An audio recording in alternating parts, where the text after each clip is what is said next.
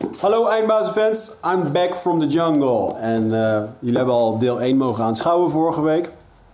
Wat een toffe podcast was dat. En we hebben net deel 2 opgenomen. En eigenlijk hadden we ook wel deel 3, deel 4, deel 5 en deel 6 kunnen opnemen. Want uh, ja, we hebben eigenlijk nog niet alles besproken. Voor nu houden we het even hierbij. En in deze podcast gaan we verder over dit boek. Dit is mijn dagboek wat ik daar heb geschreven. Waarin ik 22 lessen um, heb geschreven over comfortabel worden met jezelf, zelfacceptatie, um, ja, shamanisme, hoe je je bestaan kan dromen, hoe je comfortabel kan worden in de eenzaamheid. Dat is wel iets wat ik daar heel erg heb mogen ervaren door een tijdje in isolatie te zitten. En ja, deze lessen die zijn eigenlijk, eigenlijk een blauwdruk om hoe we weer een puur mens kunnen worden. En dat is ook hetgeen wat dit boek uiteindelijk moet gaan uitdragen. Het is een soort blauwdruk daarvoor. En uh, we gaan het hebben over uh, de wijze lessen die ik heb mogen ontvangen. Maar ook mijn hilarische avonturen met apenslangen. En noem het allemaal maar op wat de jungle te bieden heeft. Uh, het was een wilde rit. En ehm, ik heb er heel veel van geleerd. En ik hoop dat dit boek en de lessen die ik hierin uitdraag... eh, dat ze jullie mogen inspireren. En uh, dat jullie onwijs mogen genieten van deze podcast. Ik heb het in ieder geval wel gedaan. En ja, misschien moeten we in de toekomst nog maar eens een keer een deel 3 of een deel 4 opnemen. Maar voor nu blijft het even hierbij. Ontzettend veel kijkplezier. House house. Eindbazen wordt gesponsord door Nutrofit. De webshop voor natuurlijke voedingssupplementen en trainingsmaterialen die je helpen bij het verkrijgen van Total Human Optimization. Nutrofit is hofleverancier van merken zoals Onnit, Natural Stacks en Bulletproof Coffee. Probeer onze producten zonder risico door onze money back guarantee. Bezoek ons op www.nutrifit.nl. Bestel je voor 9 uur 's avonds, dan zorgen wij dat jouw bestelling de volgende dag geleverd wordt.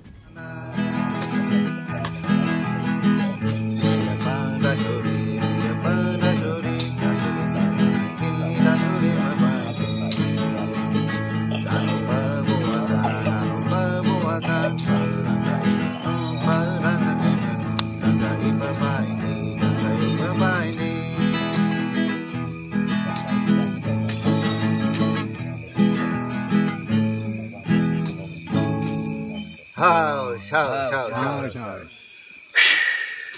And we're back. And we're back. Iedereen heeft natuurlijk geen ooggedicht gedaan na de cliffhanger van de laatste keer. Waarbij we, jung- waarbij we Wigget alleen achterlieten in de jungle.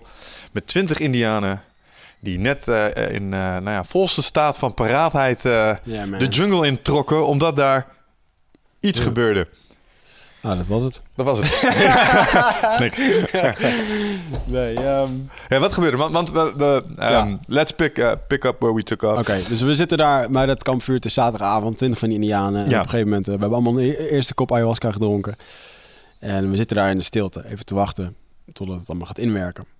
En vervolgens horen we in één keer geschreeuw achteruit de jungle. Hmm. En in één keer stieren die indianen op. En die beginnen allemaal messen te pakken, machetes en, en stokken. En die, die lopen in één keer naar achteren.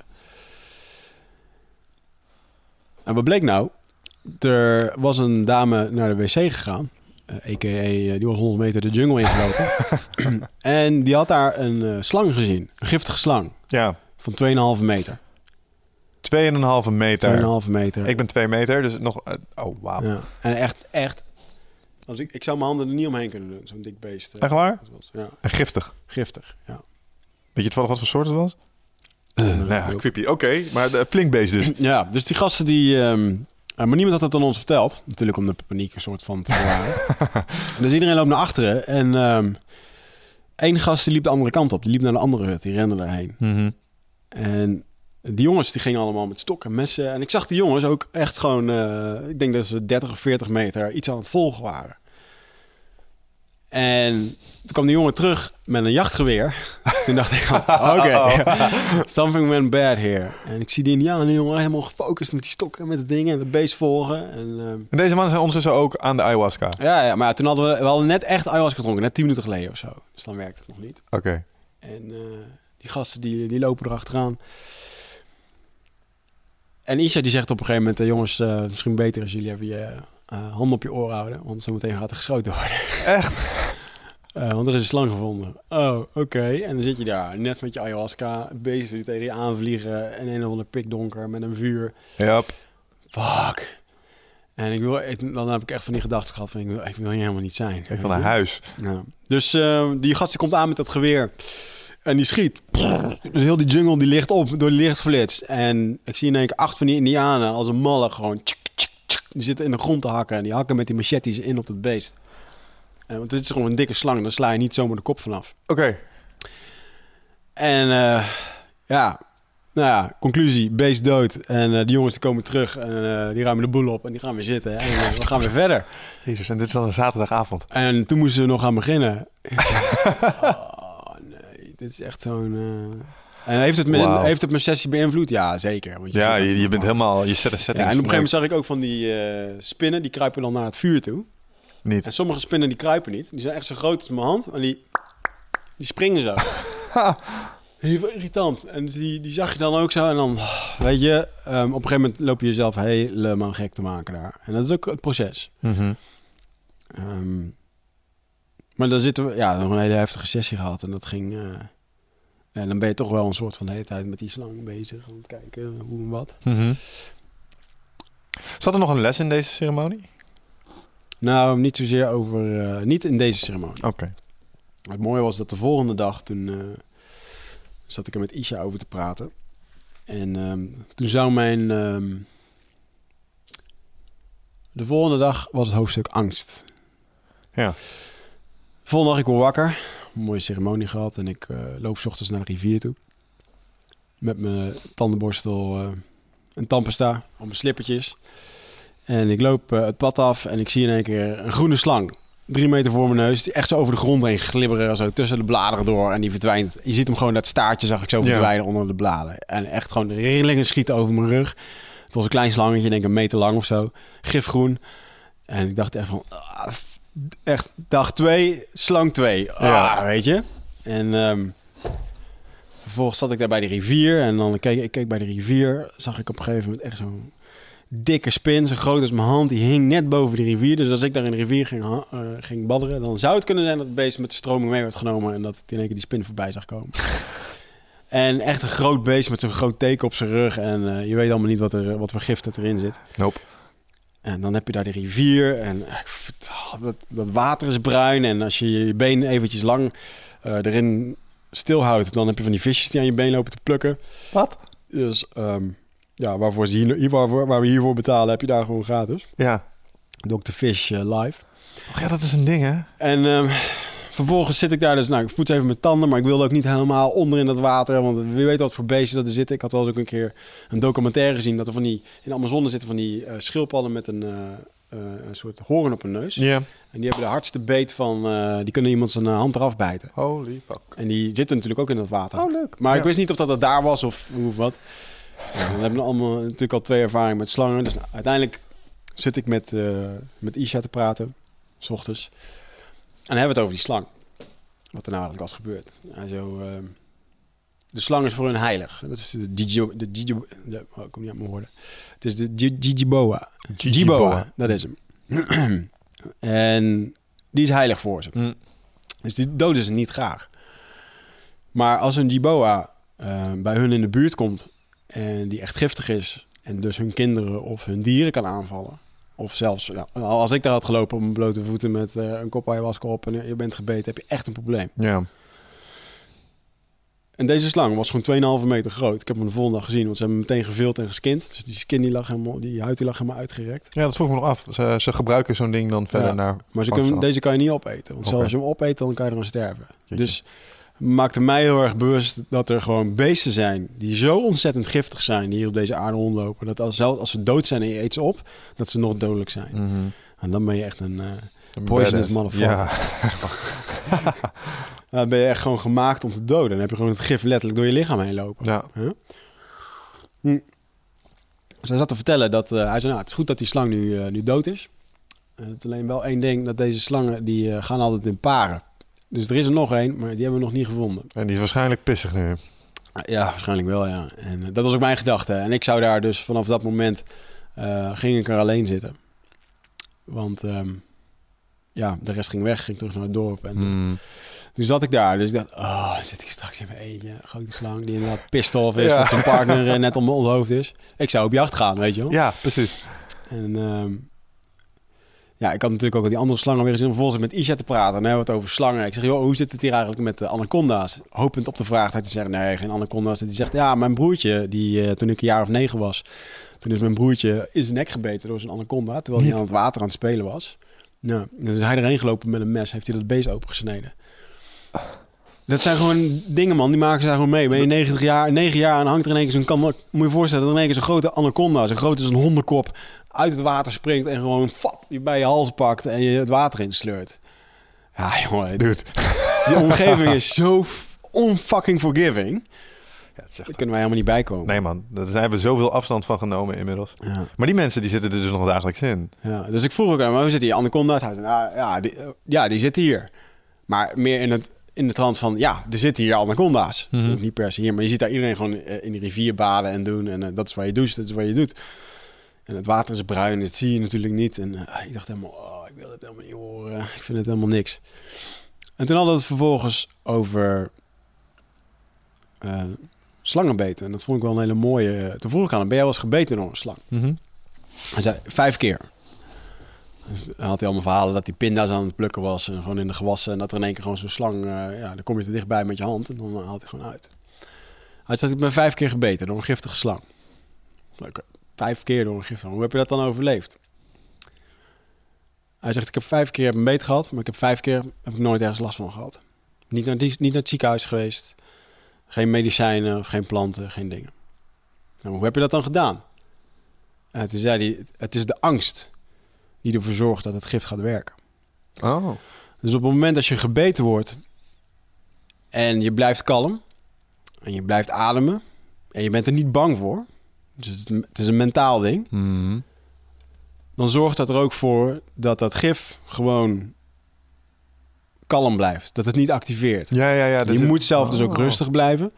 Gewoon op je ademhaling letten, rustig blijven. Hij zegt, je moet het gif wel respecteren. Dus je kunt daar gewoon, eh, gewoon een dag rustig aan doen. Maar daarna kun je langzaam gewoon weer je ding doen. Daar zat ik over te denken. Het klinkt ergens heel erg logisch, hè? Dat op het moment als, er, als je wordt gebeten, dat de adrenaline en dingen, Ja, ja, dingen gaan ja, pompen. exact, ja. Chemische reactie gewoon niet aanzet of zo. Ja. Ja. Dus als je echt gewoon, eh, pff, ah, en gewoon dat van je af kan zetten, dan is dat heel bijzonder. Ja. En hij vertelde dus dat hij dat ook aan een, eh, een klein jochie in de stam eh, die vorig jaar werd gebeten. Dat hij dat ook gewoon zei. Eh de kindje helemaal bang, ik ben gebeten. Dat gewoon zei, niet bang zijn. En dat is bij hun ook echt een ding. Dat op een gegeven moment zat er iemand eh, eh, te huilen. Een andere, daar hebben we het straks nog even over. Een jongen die, eh, die er kwam uit het westen. Die zat op een gegeven moment te huilen. En dat hij ook zo zei, "Joh, je moet ophouden met huilen, want je laat de dood binnen. Hm. Voor hun is het zo dat mannen mogen niet huilen. Ja. Nou is er een verschil tussen huilen als je iemand bent verloren Ja. wat erg is en waardoor je gewoon hè, met ayahuasca moet je ook huilen. Maar er is ook een verschil in huilen in slachtofferschap, Ja. waarbij je jezelf zielig vindt. Niet en- miepen. Ja, Ja. dus voor hen is het eh man the fuck up en eh, niet huilen. I like that. Ja. Ja. Dus dat ehm, vertelde hij over die slangen. Ja, goed, in ieder geval, eh, ik zat daar niet heel erg happy. Nee. En, eh, hij vertelde daar trouwens ook een mooi verhaal bij over hoe dat hij eh shamaan eh, is geweest, geworden. Oké. Zijn, ehm, Dat is niet iets als stamhoofd, zeg maar. Dat is niet iets waar je per definitie Nee. in, in zit. Nee, zijn vader was dan wel shamaan, maar hij heeft eigenlijk altijd gewoon eh, zijn, ja, zijn ding gedaan. Hij heeft iemand, die, eh, iemand van de stam die was eh, doodverklaard. Of iedereen zat al te huilen dat diegene dood was. Was zoiets, volgens mij iets met eh, verdronken of zo, of ik Mm. weet het even niet. Hij was toen een jaar of eh, 29. En eh, toen heeft hij gezegd van eh, stoppen met huilen. Eh, we gaan hem proberen te helen. en We gaan positief zijn met z'n allen. Dus iedereen eromheen. En hij heeft toen zijn ding gedaan. Volgens mij heeft hij zijn eigen broertje weer tot leven ge- gewekt. En daardoor is hij eh eh shamaan geworden. Hm. Gewoon zijn eigen broer. En zijn vader heeft exact hetzelfde gehad. Heeft ook iemand van de stam weer tot, tot leven. ehm, Ja, ja. nou, wat het dan ook is. Als iemand dan misschien op de grens zit van echt doodgaan of niet. Of, Ja, ja. Ik snap het. Maar gewoon, eh, ja, bizar hoe dat hij dat dan vertelde. Dat hij er gewoon eh, langs ging zitten, over de borst heen wrijven. eh, de manier zoals zij helen. En eh, dat was zijn manier hoe dat hij shamaan is geworden. Maar goed. Dus hij vertelde dat en ja, lekker verhaal dacht ik. Ik zit hier vol met enge beesten, ik zit hier straks in mijn eentje. En ik wist dat die avond ging mijn hoofdstuk over angst. Mhm. Dus de hele dag, jongen, zat ik daar over na te denken over die slangen, over die beesten. En dat ik vanavond die sessie had. Dus ik ging er helemaal zenuwachtig in. Hm. En ik had daar mijn eigen beker waar ik ayahuasca in dronk was zo'n stalen beker. Ik heb hem nog steeds met eh, allemaal eh, beestjes erop. Ja. Een soort forest, floresta be- beker. Die had ik eigenlijk meegenomen om lekker mijn theetje te drinken. Ik had de zakjes thee meegenomen van, eh, van die yogi thee, vind ik relaxed, Mhm. weet je wel. Om daar af en toe thee te drinken. Maar uiteindelijk is dat gewoon mijn ayahuasca beker geworden. En echt, jongen, als ik die beker al aan mijn lippen zette, dan moest ik al overgeven af en toe, jongen. Dat was zo, on- zo ontzettend vies. Wat keek ik op tegen dat moment om iedere keer weer zo'n slok ayahuasca weg te Ja. drinken. En ehm, op een gegeven moment had ik dan ook wel een beetje door over wat ik moest doen. Dan dronk ik twee grote slokken, dan ging ik drinken en dan ging ik vaak nog een keertje uit mijn hangmat. Wat altijd een heel proces was, want oh, dan zat ik tijd te rekken en ik had geen zin. Ik wist op het moment als ik één stap buiten die hangmat doe, er weer allemaal beesten en dingen. Doe ik die zaklamp weer aan om die ayahuasca te vullen. Weer allemaal, en dan gelijk van die grote motten en dingen, want die komen op het licht af. Ja. Ik heb daar echt soms anderhalf uur liggen uitstellen om uit mijn hangmat te gaan. Want als er iets, de heilige ruimte, binnen de heilige ruimte was, dan was het mijn hangmat. Ja. Dat was waar ik veilig was Ja. en waar niks gebeurde. En eh, ja, Your happy place. Ja, maar happy, eh, was ik happy camper daar. En ehm, ik ayahuasca drinken, dus ik lig daar te wachten totdat het zou komen. En, angst zou komen. Dus ik heb er echt drie uur lang gelegen en op een gegeven moment vroeg ik echt gewoon nog net niet hardop van nou, kom, laat het maar alsjeblieft zien. Wat is dan die angst? En toen hoorde ik in één keer de, de stem van de plant in één keer. Nou, je wilde angst? Dit is het. Nou, wat bedoel je? Dit wat je de hele dag hebt, eh, hebt gevoeld? Denk je dat je die slang voor niks hebt gezien? Ja. En denk je dat je die, eh, die andere slang, dat je dat meemaakte voor niets? En die spinnen. En je hebt je de hele dag oplopen vreten over wat er misschien zou kunnen gaan gebeuren. Bang geweest, in spanning gezeten, veel energie gekost. En nu lig je hier en nu gaat er gewoon niks gebeuren. Dat is angst. Assholes. Toen dacht ik echt, toen zakte ik over, achterover in mijn hangmat. Toen dacht ik echt van, ja, dit is echt weer zo'n typische eh ayahuasca les. Ja. eh, motherfuckers. ja, dat was mooi. En eh, ja, dat waren wijze lessen, man. Eh, ja, en zo heb ik er dus 22 gehad. Ja. Ik weet niet of ik ze alle 22 zo één voor één doorga. Want ik denk dat dat een... ja, dan wordt het wel een, een heel... eh, Dan worden het vier eh podcasts. Ja. Dat is misschien een beetje overkill. Echt een heel erg lang verhaal. Maar ehm, uiteindelijk... Dus ik zal eens even kijken of ik wat mooie hoofdstukken nog kan eh, beschrijven. Eh, ja, dit is ook een mooie. Ik had toen op een gegeven moment een, eh, een hoofdstuk en het ging over helder zien.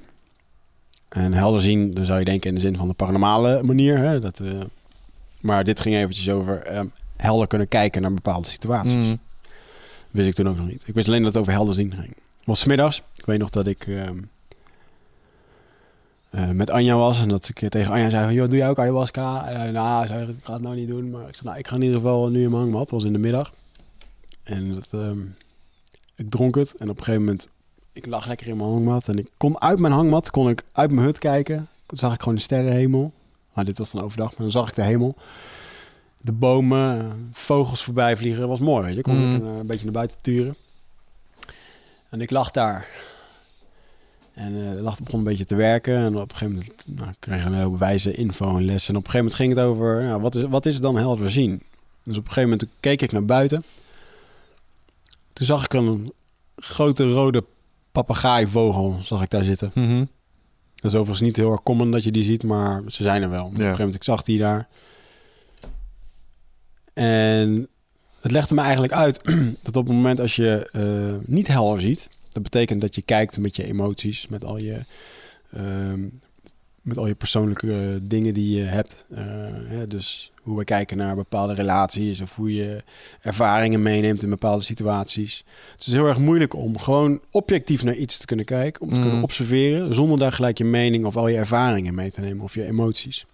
Dus het liet me eigenlijk gewoon zien. Ik lag daar gewoon en ik, ik, ik zag gewoon, ik keek gewoon als observeerder. Ik voelde helemaal niks bij die papegaai. Niet van, oh wat mooi en allemaal herinneringen van vroeger meteen en dingen. Gewoon, ik keek gewoon naar die papegaai, dat ding, deze ding. Ik zag de bomen en de lucht en het was gewoon zoals het was. Ja. Ik zeg oké. en ehm, vervolgens keek ik voor me. En toen zat er een, eh, een grote slang. En dat is trouwens een hele mooie. Omdat ik zo vaak ayahuasca heb gedaan. Mhm. Daar kon ik op een gegeven moment ook een beetje gaan eh, wetenschappelijk ondervinden, mijn eigen wetenschap, Ja. over wat nou precies die, die, die realm van ayahuasca is. Dat als je daarin zit. Dus op een gegeven moment eh, heb ik dingen gedaan dat als je bijvoorbeeld visioenen zag en ik draaide mijn hoofd, of dat ik dan andere visioenen zag. Ja, ja, ja. En dat was zo. was een 3D-space Ja, waar je ja, in zat. ja, je kon dus echt om je heen kijken ja, daar. Dus ik had gewoon mijn ogen dicht en dan zag ik hier in één keer wat. En dan keek ik expres naar rechts en links. Dan zag ik hele andere dingen. Dat heb ik Ah. meerdere keer. Dat gaf me een hele mooie perceptie over. Dit is, dit is niet gewoon een plaatje wat je even geprojecteerd Het klinkt bijna krijgt. alsof je een soort VR-bril op hebt of zo. Ja? Waarin je om je heen kan Ja, kijken. dat was echt ergens... Ja, ja. ja. Ja. Ah, eh, cool, cool. Weird. Cool dat ik daar ook de tijd valt om over dat soort dingen ik na wou te net denken. zeggen, dat doe je niet als je in je eerste ceremonie en, zit. eh, nee. En eh, ja, je moet wel doen om het, leren, om het te proberen te begrijpen.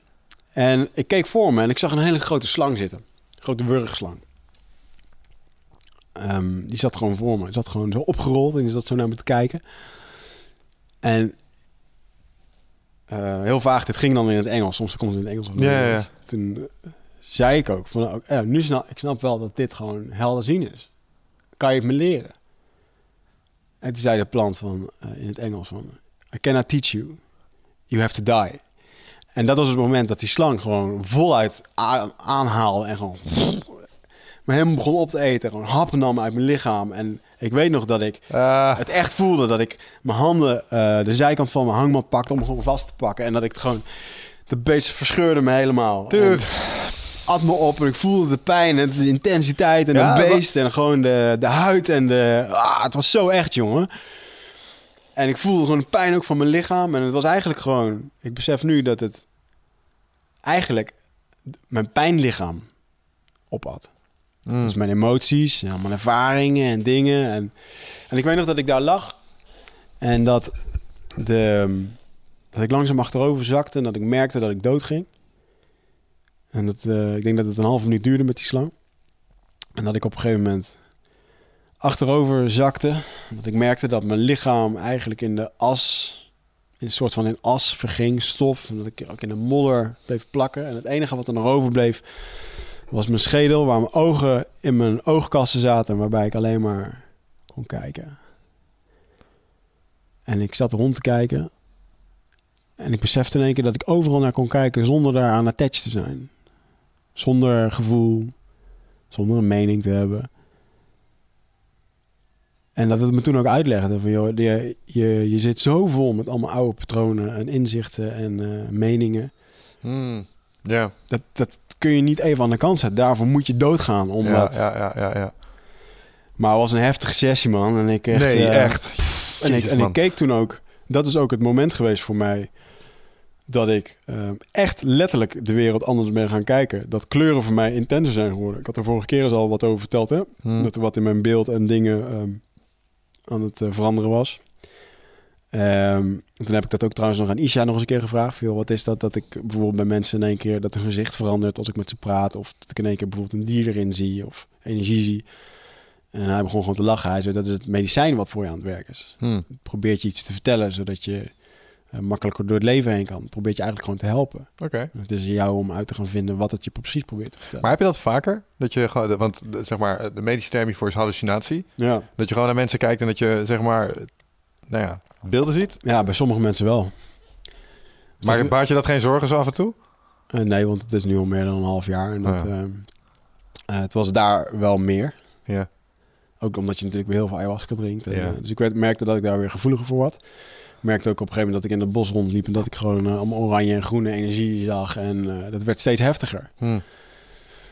Ehm, want je gaat ook steeds meer openstaan. Die plant die doet steeds meer zijn werk. Je hebt geen suiker, geen zout, dus je wordt steeds gevoeliger. En ja, dat, dat wist ik ook wel wat dat Ja, proces daar heb ik nog een vraag over met die aardappelplant trouwens. De- het enige contactmoment wat jij met die plant hebt gehad was in het begin, toen het dieet begon, toen je ermee hebt ingevreven. Of zag je, het- heb je nog meer rendezvous gehad?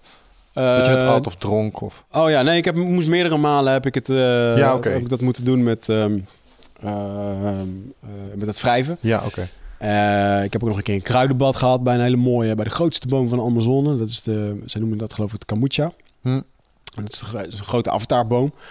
En die heb je een mannelijke en een vrouwelijke, vorm. Maar die vrouwelijke vorm die is echt heel groot. Het zijn die Hmm. foto's die je bijna van iedereen ziet die naar Peru gaat of naar Brazilië gaat.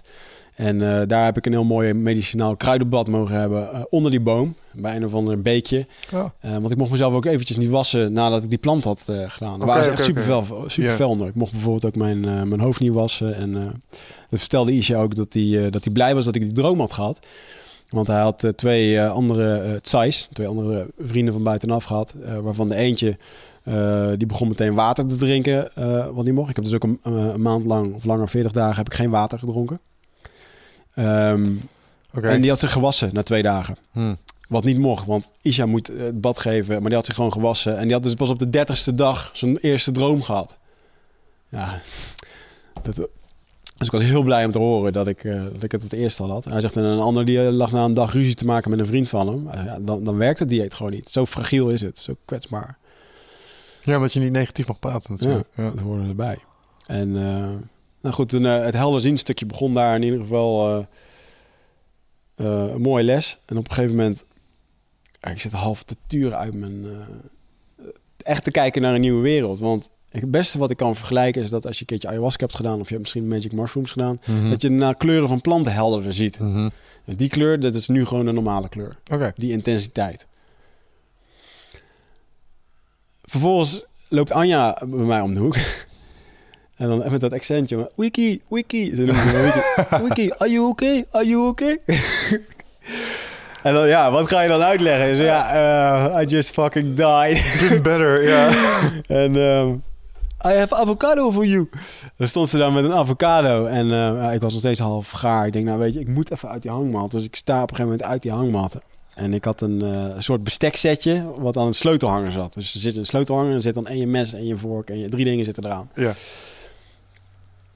Als je gewoon normaal kunt functioneren, eh, dan zou je die dingen even uit elkaar halen. Maar zij bracht die avocado en ik had er wel heel erg veel zin in. En ik zit dus vervolgens dat ding te snijden. Ik sta in mijn onderbroek in die jungle. Al die beesten die zitten aan het fluiten en doen. En ik zie daar in een brand new world zit ik daar rond te kijken. Vol verwondering met alles. En ik zit daar mijn avocado, probeer ik netjes te snijden. En ik kreeg mezelf gewoon niet georganiseerd. En Anja die bleef maar kletsen met het accent. Dus ik op een gegeven moment... En ik zat in één keer te bedenken... Ik voel me hier gewoon echt een aap in die jungle. Want ik sta hier in mijn onderbroek. eh, je loopt hier te kotsen, te schijten, te pissen, te eten. En eh, het gebeurt hier allemaal op die ene plek. En ik voel me echt... Ik voel me helemaal één worden met die jungle. daar. Ja. En dan Anja die op de zijlijn lag te kletsen en gewoon maar niet ophield. Dat ik op een gegeven moment echt gewoon... Yo, ik was emotioneel, ik moest huilen, ik moest lachen. Ik heb zit, echt, moest echt tranen eh, van het lachen, maar ook van het huilen, Ah. van de emotie. En ik heb echt gewoon gesmeekt of Anja alsjeblieft gewoon de mond dicht wil houden met het accent van... En eh, what, what, what do you mean? Why do I have to uh, shut up? en dan gingen we door. En ik heb, dat is ook de foto die uiteindelijk eh, Ja. die zij gemaakt had. Mij. Mooie foto is dat trouwens. Eh, dat is die- echt een goede foto. Die jullie op Facebook hebben gezien, waarbij ik echt schaterend in de lucht sta. En je ziet in mijn hand dat ik met die avocado bezig ben en met dat mes. En op een gegeven moment, ik, ik zat naar dat mes te kijken en naar die dingen. En ik denk, ah, ik kan het helemaal niet. Dus ik ben gewoon die avocado op een gegeven moment gewoon gaan eten. Met schil en al. Eh, en met, met mijn tanden, met mijn tong, die avocado eruit aan het schrapen. En ondertussen die schil eruit aan het gooien. Dus ik was daar echt een aap met mijn handen helemaal onder de avocado. En mijn bek vol met avocado. ik had er nog best wel een baard, of een beetje. En dat bleef er allemaal in plakken. Dus ik zat er echt als een savage in die jungle. Mhm.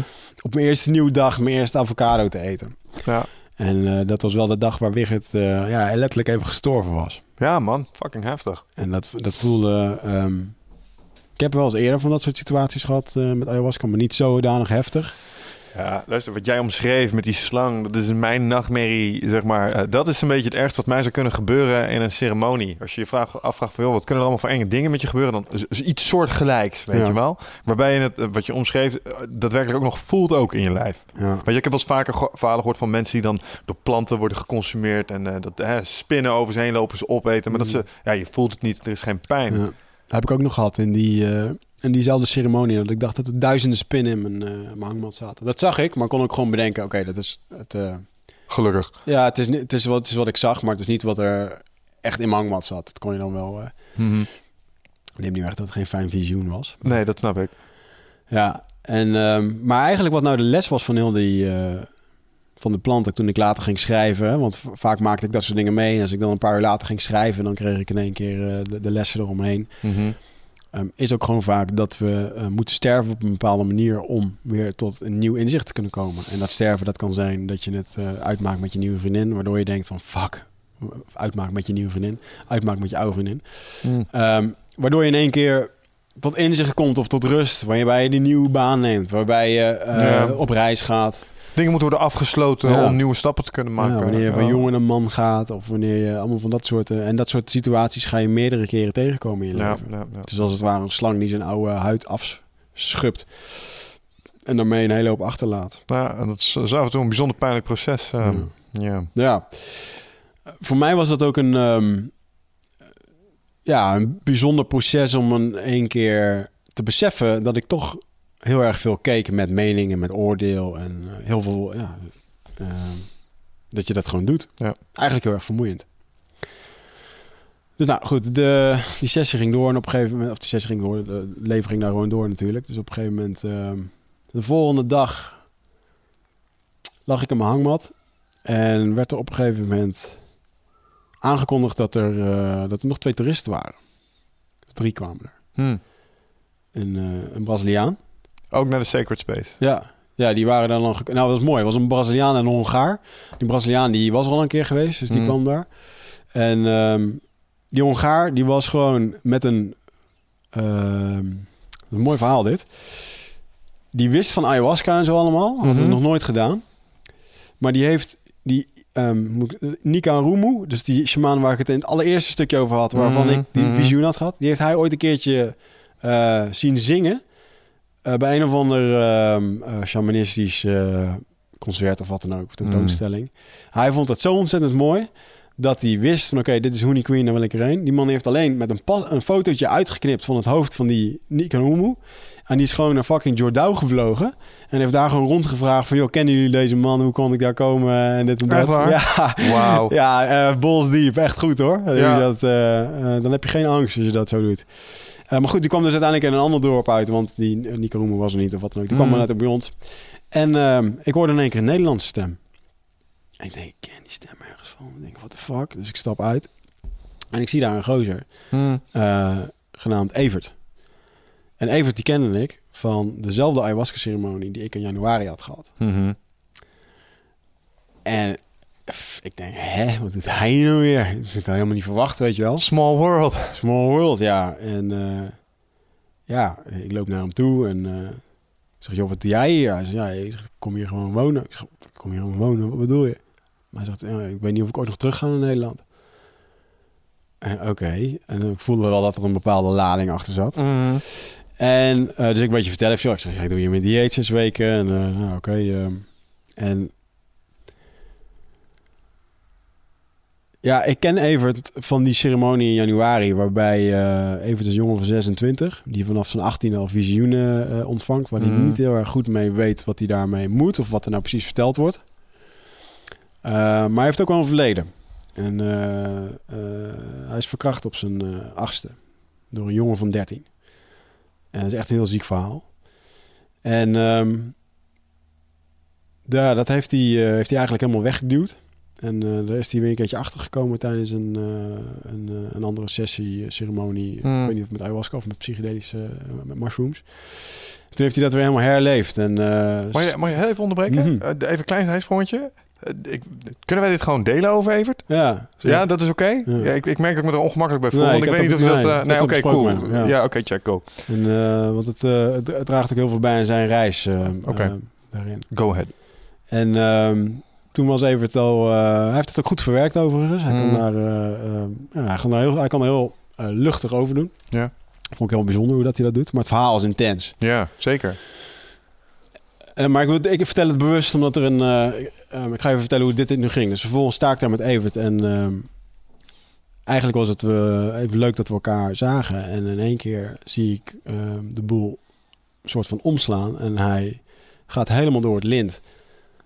Over het feit dat, eh, dat, hij, dat hij naar een pure plek wil. Hij vond dat hij in Nederland, daar waren de boel aan het verkloten. Maar hij Mhm. zag ook dat de indianen het hier aan het verkloten waren. Dat er plastic in de grond zat. En hij trapte tegen bomen aan. En eh, hij werd echt gewoon... eh, ja, hij ging echt even door het lint. Mhm.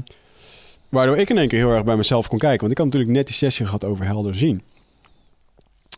Waarbij ik gewoon naar een jongen zat te kijken, waarbij ik de, ja, waar een heel proces afspeelde, maar wat bij mij helemaal niks deed. Dus ik kon er gewoon naar kijken en observeren. Ah, ja. En normaal was dit de situatie geweest waar ik naar hem toe was gegaan. Oh nee, het komt allemaal goed. En eh, hij zat te huilen op een boom en te schreeuwen. En echt, echt te huilen. Echt gewoon verdriet, woede, boosheid, alles zat erin. En het was zo intens. Maar ik keek er gewoon naar. Ik kon het gewoon observeren en ik liet het gewoon gaan. ja. Hoe reageerden de, de lokalen? Hetzelfde Oh, als Oké, ja, ja, ja, ja. En viel mij ook op toen. Ja. En, ehm, Ja, als dit in mijn voorstraat zou gebeuren, zou ik er ook iets van Ja. vinden, snap je?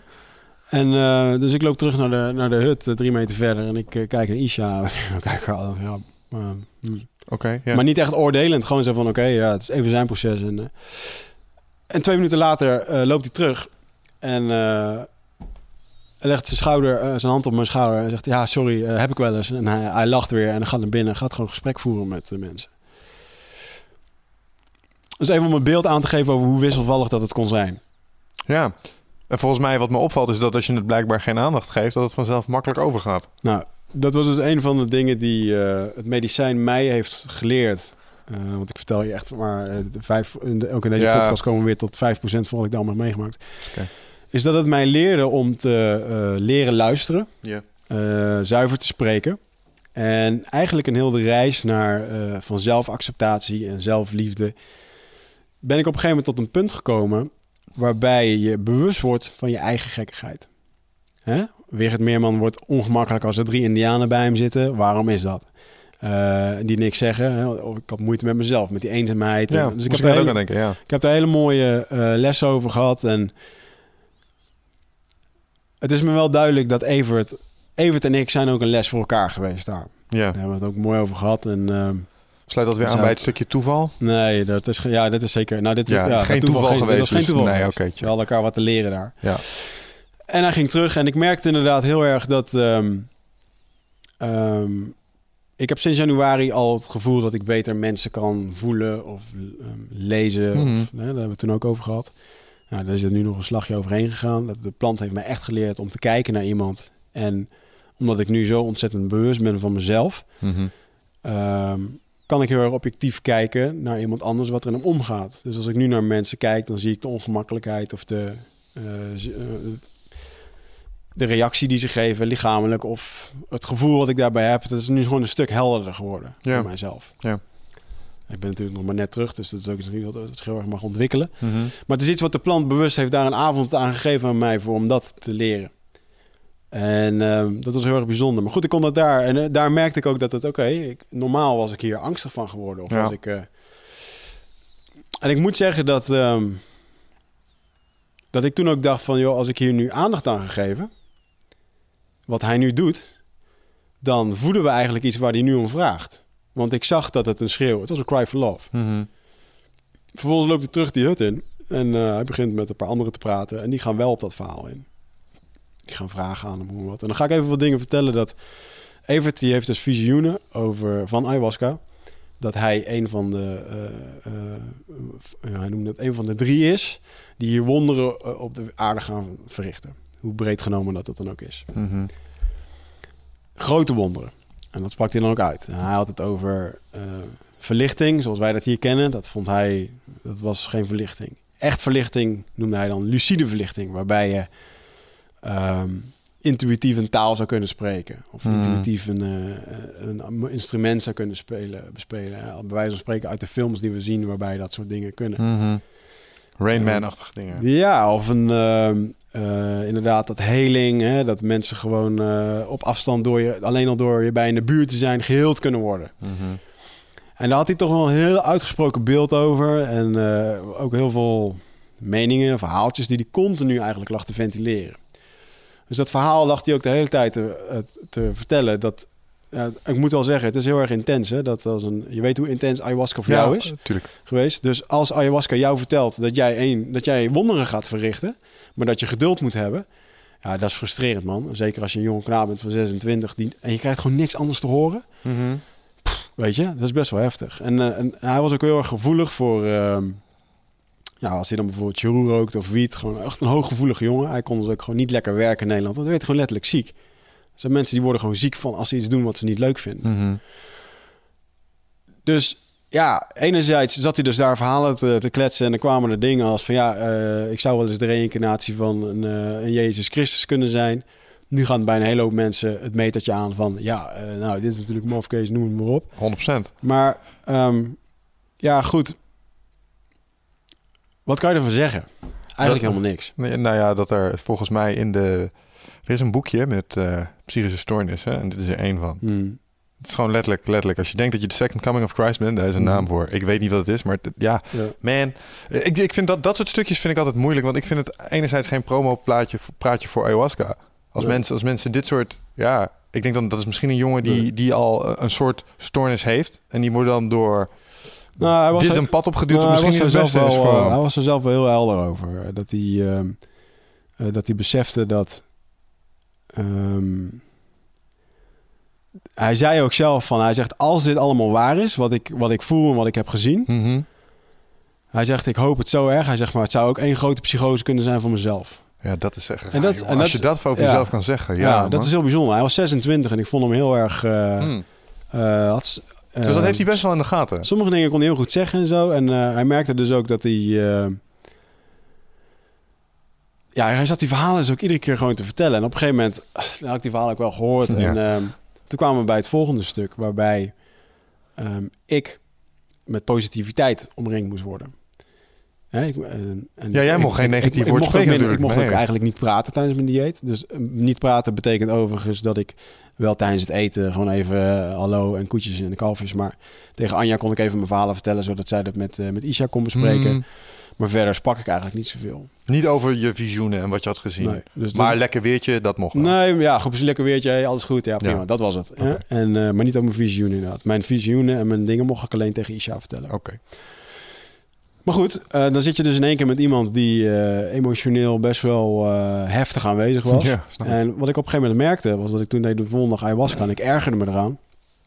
Vroeg me, vroeg ik me ook af, van, joh, waarom erger ik me nou? En toen kreeg ik in één keer de spiegel. Hij spiegelt jou met iets van jouw broer. Dat moment dat hij voor mijn ogen zo door het lint heen ging, Ja. dat triggerde bij mij iets dat ehm, later eh, dat ik weer in de angst kwam. Want ik ken dat gevoel. Ik ken dat gevoel dat, dat er ieder moment iets kan gebeuren. Ja, dat het lachen ja, of huilen ja, kan zijn. Maar het gaat intens worden. En dat is een gevoel wat ik... ehm, ja, dat heb ik jaren niet meer gevoeld. ja. Maar wel weggestopt schijnbaar. Dus dat kwam daar in één keer heel erg naar boven. En dat ik ook echt toen besefte van...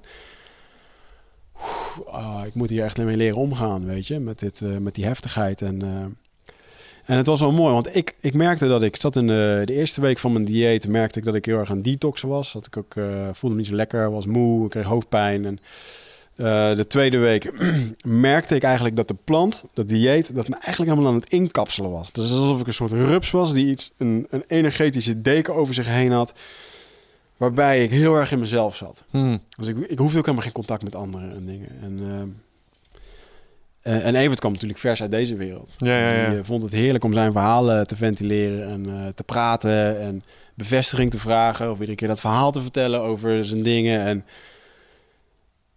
Tegen wie En- vertelde die dit dan? Want eh, ik bedoel, jij hebt constant een, een gids nodig om het over te dragen. Met wie Nou, was hij aan de spa- klets hierover? hij nou ja, bijvoorbeeld met die, met die, eh, die Hongaar die was er. Oh, oké. ja. Braziliaan of tegen Anja. Ja, of- ja, maar ik ja. merkte gewoon heel erg dat, dat zij daar in dat gesprek meegingen, dat hij dan helemaal losging. Dat Ja, was tuurlijk. gewoon de druk op de knop waarbij hij dat ging doen. En wat ik ontzettend mooi vond, was dat op een gegeven moment, ehm, toen legde hij hetzelfde verhaal uit aan Isha. Hij kon, hij kon redelijk Portugees. En ehm, ja, dat Isha die zei op een gegeven moment ook wel gewoon van, eh, joh, eh, eh, want hij was toen weer aan het huilen, dan een huilbui. En dat ik gewoon van, waarom, waarom ben je nou aan het huilen? Wat is er nou de hele tijd?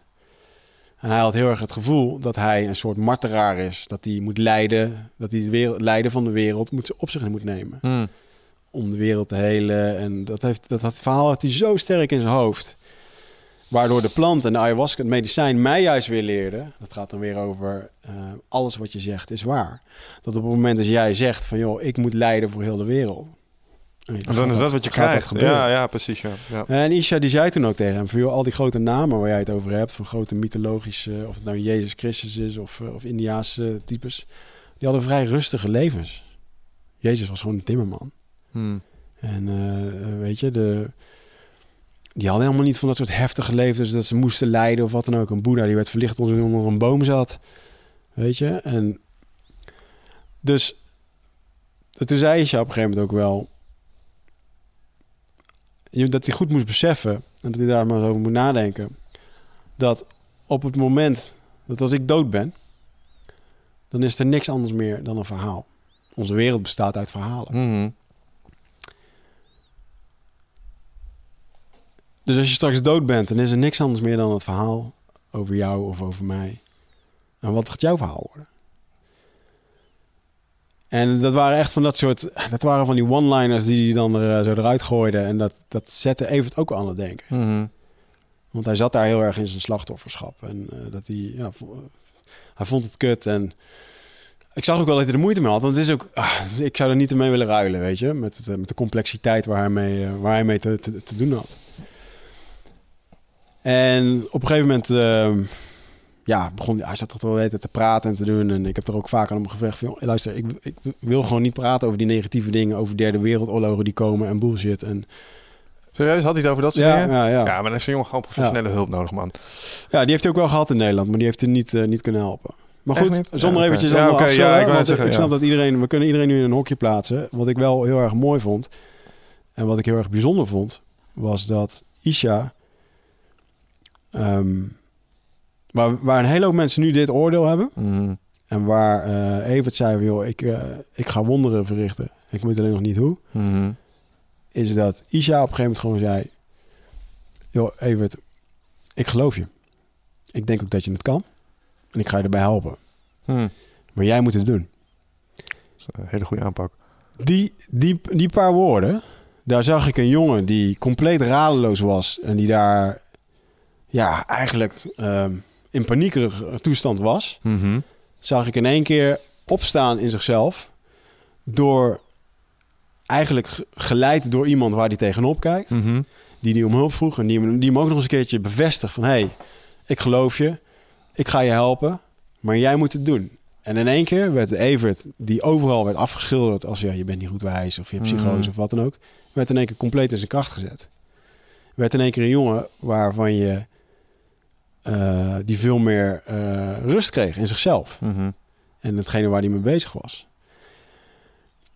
is voor mij een onwijze les geweest om niet te oordelen. Ja, ik snap het wel. Ik zit, ik zit eraan te denken, misschien kan dat er ook wel precies voor zorgen dat zo'n jongen dan op een, op een, op een pad komt, waardoor hij mm, inderdaad minder spastisch hoeft te doen en eh, zichzelf kan hervinden en ook weer we- zichzelf beter kan helpen, waardoor hij weer in stabiele vaarwater komt. Dus ik denk dat, dat je daar eigenlijk wel gelijk hebt. Want ik, wat je zegt klopt, ik merk dat ook. Dan denk je, come on man. Ja. Weet je, dat kan je niet vinden van jezelf. En Ja.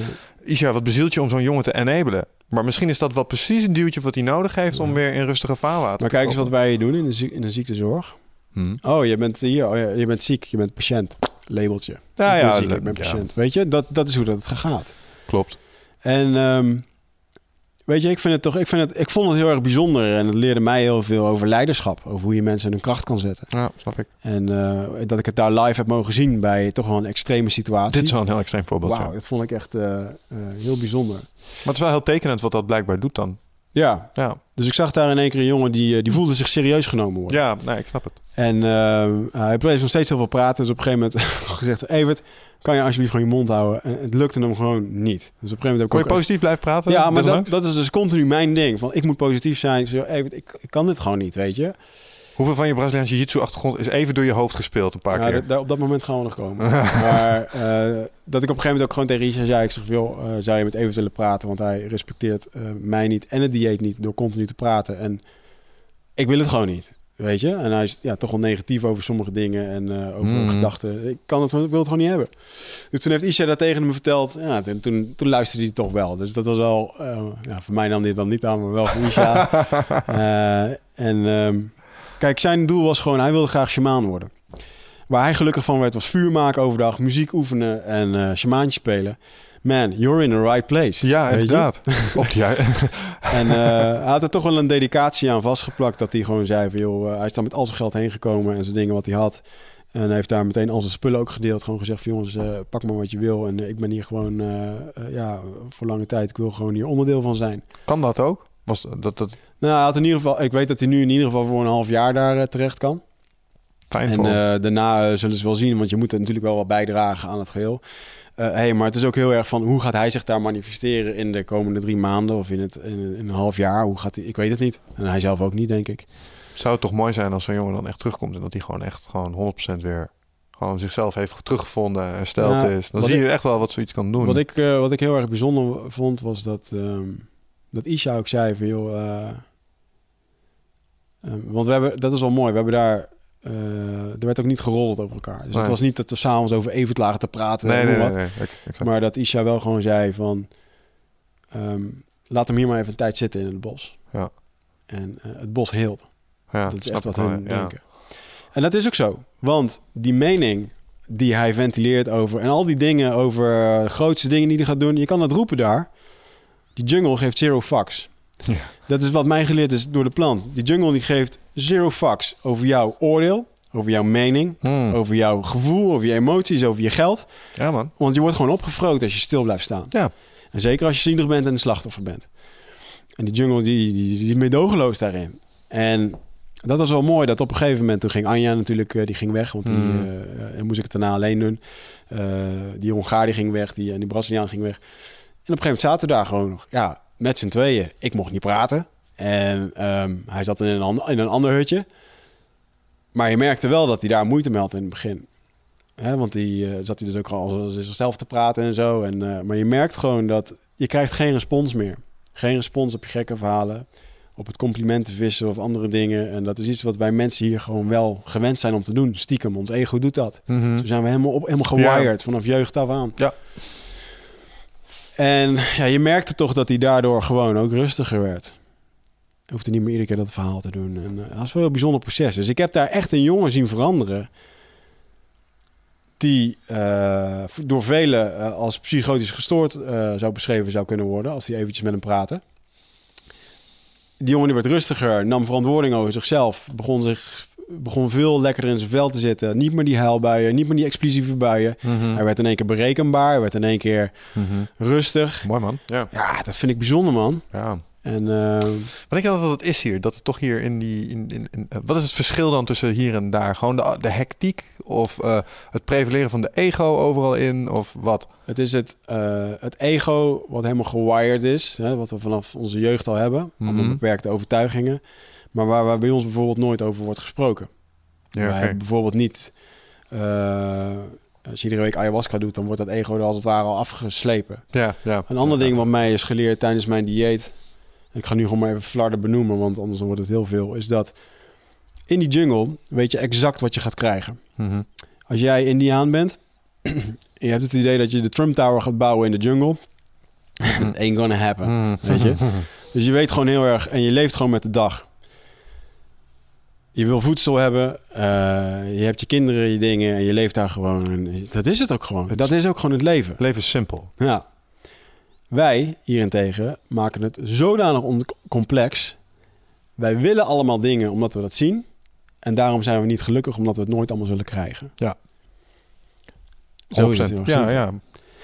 Dan is er nog het stukje niet kunnen praten. We hebben generaties hier, en vooral van vrouwen, onderdrukking en dingen die gewoon nooit een expressie hebben kunnen hebben. Ik denk dat dat generaties doorwerkt. Op de generaties van nu nog steeds.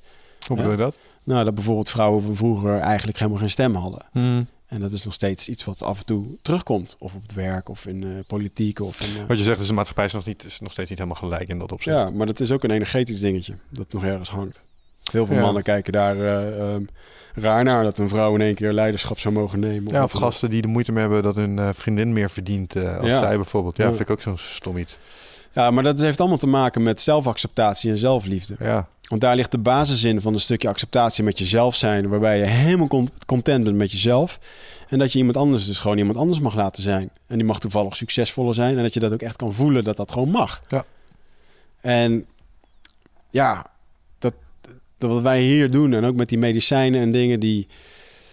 eh, het zijn allemaal, allemaal watjes, watjes op de wond.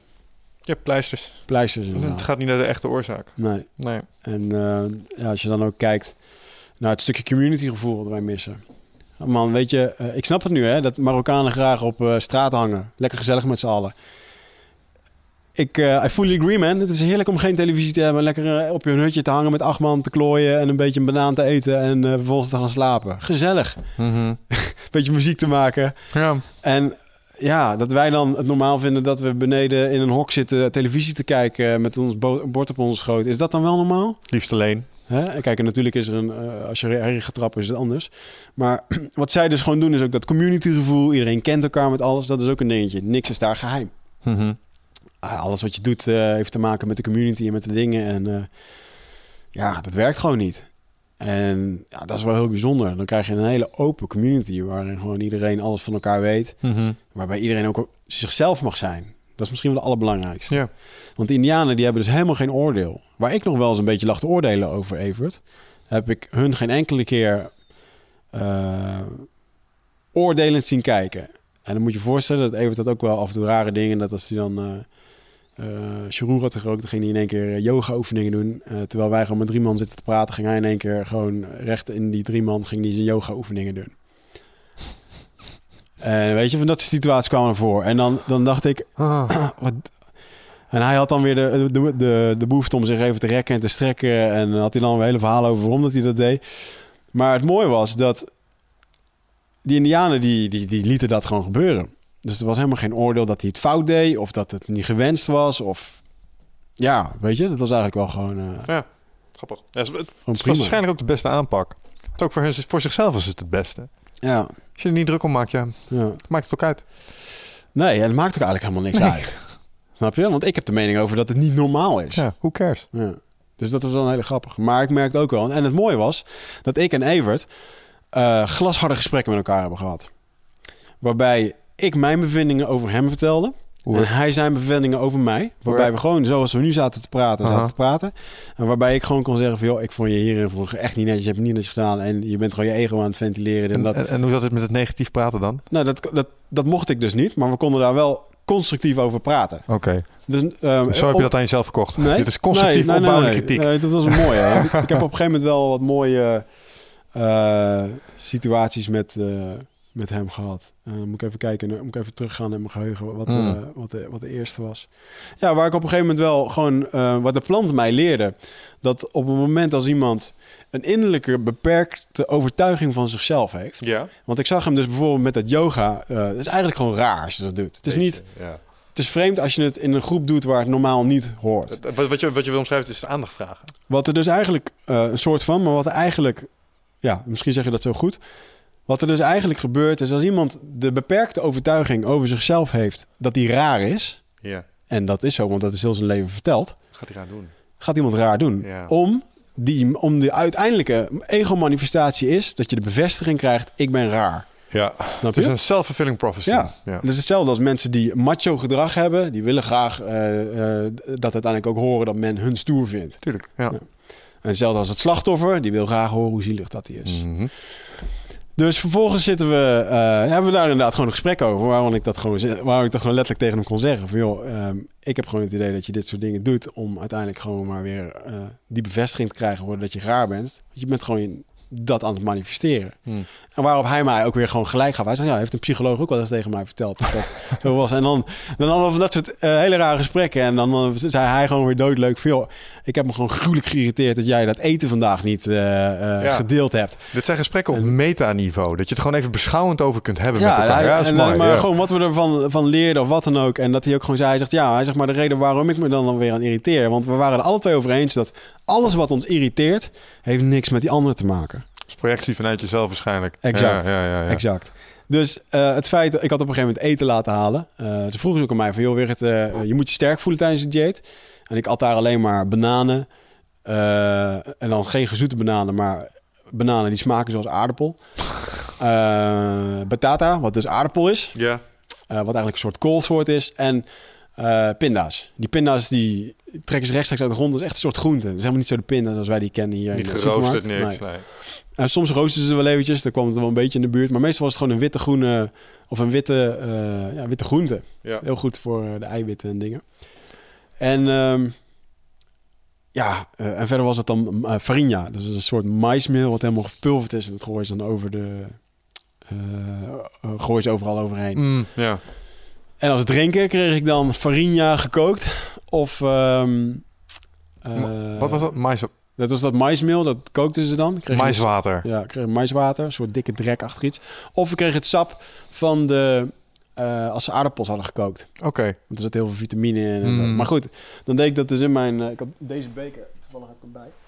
Ik had deze beker eh, bij, daar deed ik dat dan in. Maar deze beker isoleert supergoed. Dus dan deed ik er zo'n half warm ding in. En dan had ik gewoon straks weer zo'n half lauw warm drankje. Nou, het was gewoon Vies. vies inderdaad. En eh, dat is wel mooi dat ik de laatste dag dat, eh, dat ik Evert zag. Toen zaten we die farinha te drinken. Ik zeg, ik zeg, ben blij dat, dat ik dit apenzaad niet meer hoef te drinken. hij, hij kijkt echt zo naar zijn beker. Hij zo, motherfucker. Ik zit hier ik zit hier nog drie jaar. dus dat is echt een leuke, eh, mooie interactie. Maar in ieder geval... ehm, ja, we waren altijd wel ons eigen ding aan het doen. En ik heb wel wat, wat mooie lessen met hem mogen hebben. Dat op een gegeven moment...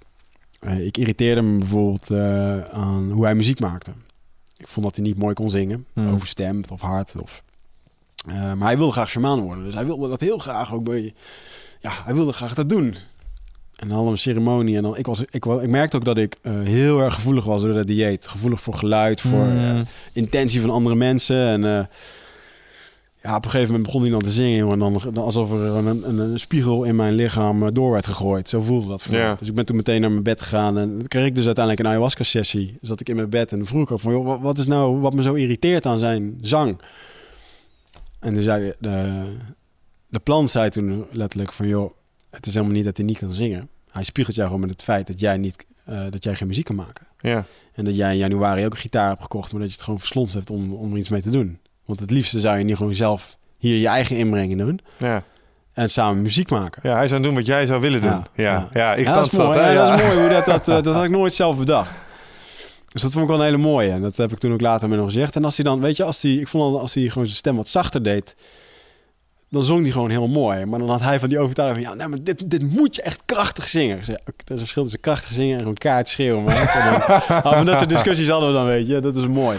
Ja. En ehm, er is op een gegeven moment wel een, eh, een eh, moment geweest... wat misschien wel mijn allerintensste moment is geweest in de Ja. hele trip. Hmm. Dat was een trip waarbij het eh, die dag ging over shamanisme. Het was een mooie dag. Die begon, begon heel mooi. Mooie dag, zegt hij. Ging ik, ik had Isha een paar keer gevraagd van... Hey Isha, die vogel man, ik moet een vogel. En ik had op een gegeven moment papegaaien gezien. Echt jonge beesten van anderhalve meter groot. Ja, wat even recap. Wij waren op zoek naar een witte vogel, correct? Ja, ja, Mooi dat jij dat zo eh, eh, erin fietst weer. Maar in ieder geval, eh, ik was die witte vogel weer helemaal vergeten. Want ik Ja. had papegaaien gezien. Dus ik moet die papegaai. Dus ik papegaai, zo heet dat daar ook. Hè? Het is geen parrot of wat. Een Ja, gewoon papegaai. papegaai. Dus ik zeg dat ik graag wilde, dat ik wilde jagen voor een papegaai. En op een gegeven moment Isha achter zijn volle aangezeten. En iedere keer dat verhaal uitgelegd. En eh, die plant bleef ook maar vertellen van... joh, get moving. Eh, we, moeten die, eh, we moeten achter die papegaai aan. of achter een vogel. En op een gegeven moment mocht ik mee gaan jagen. En het super kicken natuurlijk. Dus Ja. ik eh, de eerste dag meegejaagd. En ja, jongen, dan, dan loop je door die dicht begroeide jungle. En ze hebben daar van die hunter trails. Waar ze dus paden die ze belopen om te jagen. En ja, dan is het toch wel in één keer... Dan loop je in één keer in de jungle te overleven, jongen. Want eh, je moet stil zijn en eh, met takken en beesten. En het gaat Ja, ja. allemaal gewoon door. En, eh, de eerste dag hebben we een uurtje gedaan. Nou, dat ging dan nog wel. En de volgende dag ging ik met iemand anders mee. Nou, ik heb een hilarisch moment. Die gasten gaan met een jachtgeweer gaan ze de, de jungle in. Ja. En ze maken die patronen, die maken ze zelf. Die vullen ze zelf met buskruid en met dingetjes. Het gaat nog allemaal zoals dat vroeger ging. Alleen ik heb foto's van die patronen waarbij die... Net is net als een tekenfilm. Ja. Waarbij die patronen eigenlijk een beetje zo gebogen naar buiten ja, zitten. ja, ja, ja. En dan doen ze van die balletjes erin. En dan een cartoonen dingetje erop om het tegen te houden. En dat gaat dan in het geweer. Ja, ik, ik- iedere keer had ik het idee van als dit... eh, gaat dit maar goed, weet je. Ja, ja, ja. En eh, Isha had er trouwens ook nog een mooi verhaal over... dat hij op een gegeven moment een, op een aap aan het jagen was. En dat hij acht keer had geschoten op die aap. Had hem niet geraakt. En de achtste keer toen schoot hij en toen ontplofte het geweer in zijn gezicht. dus had hij heel zijn, eh, zijn gezicht onder het bloed. Dus toen kwam hij terug. En het eerste wat zijn familie zegt... eh Yo, je zit helemaal onder het bloed. Maar waar is het beest? Hij zo, ik heb geen beest. Ik heb alleen mezelf. dus een mooie Indian stories.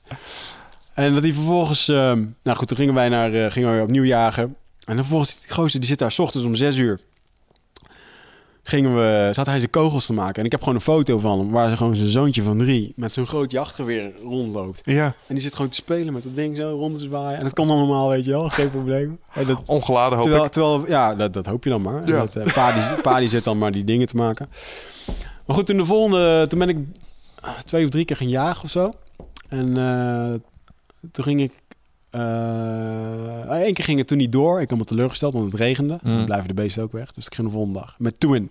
Twin was echt een, eh ja, was een bijzondere eh, indiaan. Echt gewoon, eh, ik denk een gast van eh 38. Echt een powerful guy. Gewoon, ja, ik weet niet, donkere ogen. Warrior. Een warrior, ja. En eh, toen ging ik daar 's ochtends om zes uur heen. Denk, nou, nou, even lekker ontbijten en dan gaan we naar de jungle in. En ik kom eraan en, eh en Isha die zit, eh, zit samen met hem cheroe te roken. En Zoals iedere keer kwam ik dan en dan was het uh, cheroe. en dan, ah ja, ik, ik rook wel mee. Ik denk, nou, ik kan zo meteen mooi even wat eten. Dus wij zitten cheroe te roken. Dus ik was Dus, dus jij wordt 's ochtends vroeg wakker ik en dat is het eerste wat je doet. man. Dus ik lag dat doen ze een wake and bake. Goed gedaan. Wik het even in de jungle, gewake and bake. Dus ik, was, ik was aan het wake en baken in de jungle, eh, in jouw termen. En eh, na een kwartier zegt hij, kom, we gaan. Ik zeg, maar we moeten nog eten. En ik was apenstoond, jongen, want ik, ik was net wakker. En eh, hij zei, nee, we gaan nu de jungle. Ik zeg, fuck, de weet je. En ik had een mooie, ik had nog een mooi ding met die, die two-in. ehm, two-in. Eh, ik had op een gegeven moment 's middags ayahuasca gedaan. Toen lag ik in mijn hangmat. En op een gegeven moment, ik had er net 20 minuten genomen. En in één keer staat hij bij mij aan mijn, eh, aan mijn hangmat eh, te trekken. Ja. En hij vroeg wat. Ik- Wat? Ik, zei, ja, ik heb net medicijn genomen. Zeg, Weet je, ga weg. Ik wist niet wat hij bedoelde. Ik was zelf echt helemaal niet helder. Dus op een gegeven moment stond hij met mijn schoenen in, in mijn hand. En ik zo, ja, wat met schoenen? En toen maakte hij eigenlijk duidelijk dat hij heel graag wilde... eh, dat hij mijn schoenen aan wilde tijdens het jagen. Ah. Die gast had helemaal geen schoenen, maar hij vond het gewoon cool om mijn schoenen aan te doen. dus daar, weet je, eh, go get it, man. Dus ik kreeg de schoenen echt helemaal doorweek, zei ik nou terug. Maar Ja. Prima. Nou, voor hen is dat gewoon een gebruiksobject. Het is helemaal niet van, eh, oh, fancy shoots van weer het er voorzichtig mee doen. Nou, joh, schoenen, die trappen gewoon af, weet Ja, je. ja, ja, ja. En ehm, Jij liep wel op schoenen daar of liep je daar blote eh, de jungle, ben- in de jungle ben ik wel met... eh, dus als ik die, toen, ik die, eh, toen ik ging jagen, heb ik mijn schoenen aangedaan. Ja. Maar voor de rest gewoon op blote voeten Ja, op eh, Ja. ja, slippers. En toen gingen we dus jagen. Dus wij, ja, dus, en hij was echt een pro, jongen. Hoe dat hij daar echt als een silent assassin door die bos heen ging. En stil. En dan nou, iedere drie meter bleef hij staan en luisteren. En, en ja, ik had ook het gevoel dat ik echt als een witte olifant door die jungle heen banjerde. En ik was gewoon bezig met overleven, weet je. Dus op een gegeven moment, eh, toen eh, eh, hebben we een aap geschoten. Ja. En dat is wel heel erg... ja, mensen kunnen dat zielig vinden, maar voor hen is dat gewoon... Joh, het is een aap, het is gewoon Het is eten. proteïne, hè? Ja. Dus er zaten op een gegeven moment van die kleine, van die witte aapjes, die zaten daar op zijn tak te spelen en wij kijken en doen. Dus ik dacht, nou, dat eh, heb ik nog een filmpje van. Dus op een gegeven moment, hij schiet gewoon zo'n aap in zijn hoofd vanaf 20 meter. Dat deed hij toch wel goed. En dat beest valt tsk, tsk, tsk, zo naar beneden. En hij laat hem even uitspartelen. Maar ik moest een dier doden. En dat had ik ook afgesproken. Ik had tegen hem gezegd, luister, als jij een beest schiet en hij is gewond, dan wil ik hem afmaken. Nou ja, ja, is goed. Weet je. Hij lacht. Ik had ook verteld, ik heb nog nooit een dier gedood. En Nee. dan zaten ze me echt gewoon zaten ze echt zo glazen aan te kijken. Wel eh, raar. Hoe oud was je ook alweer? Ja. En eh, ja, dat kenden we niet. Ook als ik dat tegen kleine kinderen zei, dan begonnen ze gewoon, lachten ze me eigenlijk gewoon uit. En, dus, maar goed, dat beest, ja, logisch, was gewoon gewond en hij liet hem gewoon uitspartelen. En eh, ik dacht echt van, "Hm, moet ik nu die aap eh, Ja, zijn met hoofd afsnijden of Ja. zo? Maar eh, ja, weet ik veel, weet je. En, eh, maar goed, hij liet hem gewoon uitspartelen. En eh, eh, ja, het is natuurlijk alleen maar een mes in je tas als je daarin gaat lopen snijden en doen. Ja. Als dat ding gebloeid. Dus hij pakt gewoon een paar bladeren. En dat beest spartelt nog een beetje van die, van die stuiptrekking. Ik heb er zelf nog een mooie foto mee kunnen maken. Ja, ik zag en, het. eh, vage aapje. En hij legt gewoon een paar bladeren zo kruislinks op elkaar. En dan vouwt het beest helemaal in die bladeren. Een liaan eromheen. En hij heeft gewoon een pakket met aap wat hij in zijn tas heeft. Ja. Ja, dus, eh, maar goed, toen gingen we op zoek naar die papegaai. Nou, uiteindelijk wel wat vogels gehoord, links en rechts, maar niks. eh, ja, niks. En ik dacht, oh, ik moet een beest hebben. Dus ik de volgende ochtend ik weer terug, weer voor, eh, voor te jagen. Ik stond iedere keer om zes uur, ging ik daar gewoon zitten, want dan wist ik dat ze gingen jagen. je. dus op een gegeven moment die gasten die gingen, en Isha zo, eh, no, no. En ik zo, wat? En toen eh, maakte hij me eigenlijk duidelijk dat ik te luid was in de jungle, dat ze me niet meer mee wilden hebben. Rambo. dus Ja, Wigert was duidelijk geen silent assassin. Nee, dus de Indianen die kregen niet eten omdat ik meeging. Dus dan dacht ik, nou, oké, weet je, het zal. En toen in één keer rond een uur of in de middaguur, toen werd ik in één keer geroepen. En eh, dat ik even naar die andere hut moest komen. En eh, toen stond Kara, de jongen die voor mij zorgde. Ja. zo'n witte vogel. Gewoon, had hij geschoten. En die had hij speciaal voor mij geschoten. Eh, dat vond ik wel mooi. Dat Isha heeft dus echt mensen op pad gestuurd. Van, joh, eh, we gaan een vogel schieten voor Wigert. Ja. Mooie witte reiger. En die staat voor eh, goede jacht, goed vissen en voorspoed. Hmm. En daar gingen we dus een tooi van maken. Nou, helemaal cool. Ik helemaal blij. En eh super groot beest. Er werd ook gelijk helemaal, gingen ze hem helemaal plukken. Nou, daar blijft uiteindelijk eh, weinig meer van over. Ja. Ik denk dat ik op mijn eh, website uh, wel foto's neer ga zetten. Dus voor de mensen die eh, eh, straks een keertje wat beeld bij willen bij de verhalen, dat zal ik daar wel. eh, ik ja, moet je ik doen, man. Dat is leuk. En, eh, of je moet naar een lezing komen. En, Zou ik, eh, eh, ik weet, ik trouwens niet of ik daar foto's laat zien. Ja, wel. Zou ik wel doen. I don't know. Schaamteloos zelfplug. En ehm eh, nou goed, we zijn met die vogel bezig. En uiteindelijk, eh, toen deed ik dus een eh ayahuasca-sessie s'avonds. Hebben jullie dat ding ook nog opgegeten verder? Of, eh? Zij aten hem op, ja. Oké, ja, ja. ja. is gewoon Jij voedsel. mocht geen vlees natuurlijk. Ik mocht geen vlees. Nee, dus die aap heb ik ook niet gegeten. Nee, nee, nee. snap ik. En eh, ik heb die aap wel heel trots, eh, want op een gegeven moment eh, ging uh, Tune in zijn eentje nog verder. Dus toen heb ik die aap wel trots We hebben vier uur hebben door de bos heen gelopen, jongen. Ik was kapot, jongen. Het zweet stond op mijn rug en al die beesten en dingen. Ik heb ook nog een dikke kolibrie gezien. En dat is echt als een bromtol die langs je komt, jongen. Echt? Dus ik liep door de jungle en ik... en ik denk, wat de fuck is dit, joh? En dan zie je gewoon zo'n klein vogeltje, die... En die vliegt weer weg. Ah, dat is echt bizar. Echt kicken. Wauw, Ja. Dat is echt een... ja, de miracles of nature, man. Als je dat gewoon zo mee mag maken. De kleine dingen, weet je. Ja, ja, ja. En ook gewoon uit- uitzichtpunten gekeken waar we over alle bomen keken. En waar hij dan ook gewoon zei van, joh, dit is, dit is waar we ja, vogels spotten. Nadat hij trouwens die aap eh, schoot, liep hij letterlijk drie meter verder. Pakt hij Hm. zijn machete, slaat hij in één keer op de grond. Sloeg gewoon de slang zijn kop eraf. Had hij zien zitten. Ja, die had hij gewoon liep op het pad waar wij liepen. En hij liep op zijn slippers. Gewoon Ja. giftige slang. En eh, ik dacht, oh, nummer drie, weet je wel. Ja. Die heb ik ook nog op video. Dat hij daar... En, eh en dacht, er was een heel klein slangetje. En hij tikte er best op met die machete. Zo sla je echt niet zomaar het hoofd eraf, weet je. Dus dat beest lag met... eh, allemaal eh sneeën in zijn, eh, in zijn lichaam eh, te kronkelen en te doen. En eh, ja, het is echt een vicious omgeving. Ja, man. Ja. Heftig. Maar goed, toen eh, had ik op een gegeven moment een hoofdstuk dat ging over eh, shamanisme. En eh, ik merkte dat ik 's middags al wat had gegeten dat ik niet allemaal lekker van was. Ik had iets van bonen gegeten. En ze koken dat dan in water uit de rivier. En ze Mm. koken dat wel, maar ik wist het ook niet altijd. eh. ik heb me eigenlijk best wel goed gehouden hoor, qua eh, wat ik allemaal binnen hield en deed. Ik had wel dat ik in eh, mijn dieet de eerste week voelde ik me heel erg slap. De tweede week, eh, de, de tweede week voelde ik me ontzettend fit. Ja. En de derde week, dat was deze week. Toen ging ik echt heel erg slecht. Eigenlijk ehm, werkte de dieet zodanig dat ik 's ochtends gewoon... eh, na dat jagen is eigenlijk het moment aangebroken waarbij ik 's ochtends uit mijn hangmat ging. Ging eten, terugging, slapen, schrijven, eh, even lunchen of misschien ayahuasca doen. En dan, ja, want ik zat op een gegeven moment gewoon... Of, of, weet je wel. Een Ja, beetje eten of een beetje ayahuasca. Hmm. Ik merkte dat het s'nachts gewoon helemaal mij, me, me drainde. Het kostte zoveel energie. Ja, je moet ook slapen s'nachts. Ja, dus dan, als ik dat dan s'avonds deed, lag ik tot drie, vier uur te fantaseren en eh, een beetje na te spezen. En eh, s ochtends om vijf uur wordt het licht en word je gewoon wakker. Ja. Dus op een gegeven moment, eh, en ik merkte ook zeker, ik hoefde bijna niet meer over te geven. Dus ik kon gewoon om half zeven s ochtends gaan ontbijten en om, en om acht uur nam ik dan ayahuasca. Dat ging prima. Oké. Ja. als iemand die twee keer gedaan heeft en ik stel me even, ik probeer me voor de geest te houden hoe dat was voor mij, ik kan me niet voorstellen. Ja. Dat je 's ochtends vroeg acht uur, ja man, let's do this. Ja. Eh, Voor mij was het op een gegeven moment, dan ben ik er vanaf. Ja, dat snap ik ook wel. Ja. Ik- En het, eh, ik merkte ook wel dat het, oh joh, het jongen. Ik voel mijn eh, die derde oog, eh, dat, dat voel je gewoon de hele tijd gewoon, eh, weet ik veel, dat daar wat gebeurt. Pineal gland. Pineal gland, ja, dat het ding gewoon aanstaat. En wat overigens ook aangaat en wat iedereen zal ervaren, is dat je, ondanks dat je hier met je dikke buik misschien op de bank zit en naar de Bolt en Beautiful kijkt, als je jou een paar dagen in die jungle zet, dan zal je merken dat je nog steeds apengenen hebt die aangaan en op 200% gaan functioneren. Mhm. Dat je gewoon eh, eh, alert wordt en eh, ja. Je bent ervoor gebouwd. Ja, 100%, zeker. Zijn we niet kwijt hoor. Nee. En ja, het is een beetje zo'n, als ik dan een beetje kijk naar mijn kat Beer, als die een veer ziet, dan gaat hij aan. Ja, weet je primal. ja, Dat hij ja. eigenlijk nog nooit een vogel heeft gezien. ja, ja, Weet geen idee wat hij ermee moet, maar. Ja. Mooi. Maar toen, ehm, ja, eh, waar was ik? Ja, die bonen voelden me eigenlijk niet zo lekker. Nou goed, ik ayahuasca gedronken s'avonds en ik merkte op een gegeven moment dat ik, eh, ziek werd.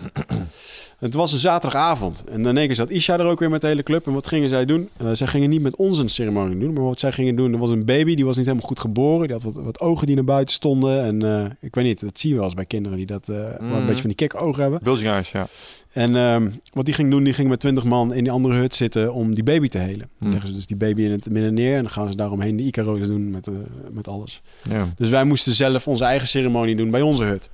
Dus samen met Kaan, en met, met Evert uh, en nog iemand, uh, nog een Indiaan, zaten we daar. En ik merkte op een gegeven moment dat ik, ik kon niet blijven zitten. Ik was gewoon ziek en ik, ik ging liggen. En, uh, man, ik heb me daar toen, toen ben ik echt ziek geworden. Ik denk dat we acht uur zijn begonnen en rond een uurtje of één. Toen besefte ik in één keer van hetgeen wat ik nu voel heeft helemaal niks meer met die ayahuasca te maken. Ik ben gewoon echt niet ziek. Of ik ben echt ziek. Echt ziek, ja, niet goed te pas, ja. ja. Dus ik, uh, ik loop uit mijn, uh, mijn hangmat en uh, ja, ik ging begon met overgeven en dat, dat, dat had helemaal niks meer te maken met ayahuasca. Op dit moment zijn die Indianen er ook nog? Ja, die waren nog bezig met okay. die ceremonie. nou ja, die, nee, die jongens die bij je zaten. Ja. ja. ja. Dus ja, ik was echt stevig aan het overgeven en al het eten kwam eruit en ah jongen, dat is zo fucking ranzig als je je kunt overgeven met ayahuasca, maar als echt je eten eruit komt en het houdt maar gewoon niet op, ondanks dat je helemaal leeg bent en Mm. gewoon metaal smaken, gal smaken, bah. En dan duurt het ook nog een keer heel erg lang en het deed ook nog eens een keertje ontzettend pijn. Ja. Een ander ding waar ik me op een gegeven moment zorgen over begon te maken, was dat ik uh, weg begon te vallen met mijn hoofd. Dat ik één keer knikjes had met, uh, dat ik mijn hoofd in één keer naar voren viel. Ja. En uh, dat ik op een gegeven moment ook niet meer kon staan. Dus ik wilde echt gewoon op mijn knieën zitten. En ik, zat, ik zat er in mijn onderbroek, uh, een t-shirtje en uh, in die jungle. Wat maakt me ook allemaal niet meer zo heel veel uit. Nee. En dat op een gegeven moment K bij mij kwam. Dus een leerling shamaan van Isha. En die, die kwam dan wel met bladeren. En dan zei hij, ja, medicina. Dan moest ik dat opsnuiven. En dan, ja, dat hielp dan wel even. Maar pff, ik bleef gewoon overgeven. En um, op een gegeven moment... Evert die was echt super hard aan het zingen. En ik zeg op een gegeven moment tegen Evert... Ik schreeuw, Evert... Hij zei, ja. Ik zeg, ik voel me niet goed, man. Ik ben echt onwijs ziek. En ik vertrouw het eigenlijk niet. Zou je Isha willen halen? En het antwoord dat ik van hem krijg is... Uh, nee man, ik kan jou wel helen. Ik doe het wel. Helemaal in zijn enthousiasme dat hij uh, zijn shamanistische ding kon doen. En ik was daar echt... Ik zeg, Evert, ik zeg, ik ben niet over de halve fucking wereld gevlogen om geheel te worden door jou. ik wil graag dat je Isha haalt, want ik vertrouw het hier gewoon echt niet. Mm. En uh, hij zo... Uh, nee, ik kan je wel helen. Ik zeg, doe het gewoon niet. Zeg, hou alsjeblieft gewoon je mond dicht. Want ik kon, ik, ik kon het ook gewoon niet meer handelen. Ik zeg, hou, alsjeblieft gewoon even je mond houden. Even niet zo hard zingen en doen. Zou alsjeblieft gewoon ietsje willen halen. Ik vertrouw het gewoon echt niet. Nee, ja, weer het... Uh, weet je, ik wil je best helpen. Maar dan wel op mijn manier. Dus uh, ja, dan moet je zelf maar even naar de hut van Isha lopen. dat, dat was het moment dat ik dacht van... Uh, Oké, okay. als dit vier weken geleden was gebeurd... Oh, dan had ik echt kapot geknepen, jongen. Ja, echt hè? Ja, nou, dat was Ziek of een, niet uh, ziek? Ja, ja, goed. Het, het, het, voelde voor mij op dat moment helemaal niet respectvol. En, uh, nee, man. Nou, het zou um, ook voor hem een moment zijn geweest. Hij had natuurlijk ook ayahuasca nou, gehad. daar dus, gaan we het zo meteen over hebben. Het is wel mooi hoor. Ja. Elkaar. Dus uh, op een gegeven moment, ik heb mezelf bij elkaar geraapt. En uh, ja, K kon me ook niet echt helpen. Dus ben ik naar die andere hut gelopen. En terwijl ik naar die andere hut liep... Uh, ben ik ja, een paar keer door mijn benen heen gezakt. Ik zakte weg. Ik voelde mijn arm niet meer. Dus het was echt wel gewoon heftig wat ik had. Ja. Je arm viel uit. Maar ja, ik kon mijn linkerarm op een gegeven moment niet meer uh, goed functioneren. Mm. En uh, toen ben ik daar uh, naar die andere hut gelopen. Maar dan was het al donker. Iedereen lag al te slapen. Dus dan zie je een paar van die smeulende vuurtjes die er dan uh, een beetje roken. En dat is het dan. Daar moest ik op navigeren. En ik loop daarheen. En uh, toen die zat daar nog. Die man waar ik mee ja, was gaan jagen. Ja, ja. En ja, vervolgens moest ik met mijn, uh, met mijn iPhone, die ik af en toe kon opladen met een mobiele oplader, voor so dus een solarlader, kon ik uh, met de Google Translate app in het Portugees zeggen dat ik ziek was. Verder was er niet echt veel mogelijk. En, uh, dus ik vroeg hem Isha, maar die, die kwam niet om een of andere reden. Of, op een gegeven moment kwamen er drie andere Indianen bij me, waaronder Toein. En die hebben me daar gewoon op die planken neergelegd. En ik, ik was alleen maar aan het overgeven en ik kon alleen maar aan het schibberen met mijn lichaam. Mm. En, ze hebben me op een gegeven moment daar gewoon op de plank gelegd. En zijn gewoon Icaro's gaan zingen. En ik, ik dacht eigenlijk van ja, ik, man, ik zit hier 2,5 uur. Het is, het is drie uur s'nachts. Eh, het is 2,5 uur rijden of, of met de boot naar de stad Hmm. during the day. Laat staan s'nachts. Dit, Want je hebt op dit moment, eh, is jouw, je hebt gewoon een voedselvergiftiging. Ja, Ja. dat was mijn gevoel, ja. ja. Maar ik had wel echt het gevoel dat er... Of gewoon, daar kan Ja, gewoon ik- onderdoor ik- ja. gaan daar, hè? Ja, nou, dus ik had, en ik had ook op een gegeven moment echt het gevoel van dat ik daar op die planken lag. dat ik echt doods en doodsbang ben geweest om echt te sterven. ja. Dat het ook door me heen ging. Dat ik gewoon, eh, want ik dingen die uitvielen en zo intense angst die er dan bij komt. En dat ik daar in één keer ook zo erg, ehm, omdat het al zo lang bezig was, dat ik daar op een gegeven moment ook echt op die plank heb gelegen van weet je wat? Fucking doe het maar. Ben er klaar mee. En ik kan er nu nog emotioneel worden als ik het ehm, over heb. zeg maar. Hmm. Maar ehm, dat is wel het moment dat ik op een gegeven moment mezelf overgaf. En dat ik merkte dat wat die Indianen aan het doen waren, die met z'n drieën om me heen zaten, met hun roken, met hun, eh, met, hun- met hun icaro's en met hun Mm. dingen en over me heen wrijven en geluiden maken, dat ze energie aan het weg eh, verwegen waren of wat dan ook. Dat ze me echt aan het helen waren daar. Want ik voelde gewoon hun energie Mhm. uit alle kanten in mijn lichaam stromen. ik, ja, ik voelde wel dat er wat gebeurde. Ik werd er heel erg kalm door. En ja, ik heb daar anderhalf uur, gezegd, maar anderhalf uur met me bezig geweest. Mhm. Ehm, het voelde voor mij alsof zij me weer geheeld hebben. Op de manier zoals de Indianen dat doen. Op een gegeven moment kon ik weer rechtop zitten en eh, ben ik teruggegaan naar mijn eigen hut. En de volgende dag toen ik ayahuasca deed, toen, eh, nou, het hoofdstuk was natuurlijk shamanisme. Toen zei de plant ook van, eh, nu weet je wat shamanisme is. Hmm. Dus voor mij is het nog steeds een eh, hele bijzondere eh, les. Is het nou de plant en het ayahuasca geweest die me dat op deze manier zo willen laten zien? Mhm. Of was ik daar gewoon echt super ziek en eh, ja, is dit gewoon zo gebeurd zoals het is gebeurd? Nou ja, het ligt er een beetje aan. Hè? Ik bedoel, eh, Evert eh, die is ook niet eh, spontaan gemanifesteerd door de ayahuasca. Die kwam hier ook gewoon op die plek. Dus Ja. misschien heb je die bonen... Als je, als je dat hele, zeg maar, er is geen toevalsconcept Ja, toepast op dit verhaal... Dan had dit gewoon moeten gebeuren. Maar dus. ik, ik zeg dit nu wel, misschien zeg ik dit ook wel om, om, het, om een beetje een- dat mensen het zelf kunnen oordelen. Maar ik weet voor mezelf dat dit geen toeval was. ja. Ehm, eh, volgende dag heb ik wel een gesprek gehad. Nou, de volgende heb ik even eigenlijk niet gesproken.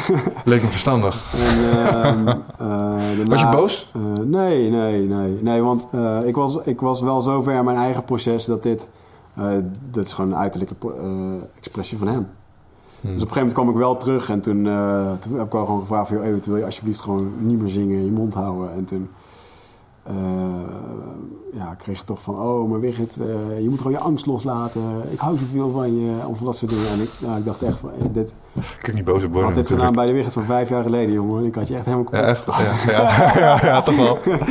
Is die jongen er dan helemaal niet meer, vraag ik dan af. Eh, ja, weet je, het maakt Weet je wel. En ik wilde daar gewoon rust. En, eh, Snap ik me. de volgende, toen heb ik er later wel een goed gesprek met hem over gehad. Dat, ehm, ja, dat ik, ik, nou, ik heb toch wel tegen hem heb gezegd van, joh, eh, als jij zo'n goede shamaan wil worden, dan moet je wel dingen anders gaan doen. Ja. En het mooie was wat hij toen zei. Hij zegt, die avond, hij zegt, het is voor mij een hele belangrijke les geweest. Dat als ik een goede shamaan wil worden, dat ik mensen naar mij toe moet laten komen. En Mhm. niet dat ik naar mensen toe moet gaan. Hij zegt, het feit dat jij niet naar mij toe kwam, dat je niet geholpen door mij wilde worden, was mijn, irrita- was mijn irritatie.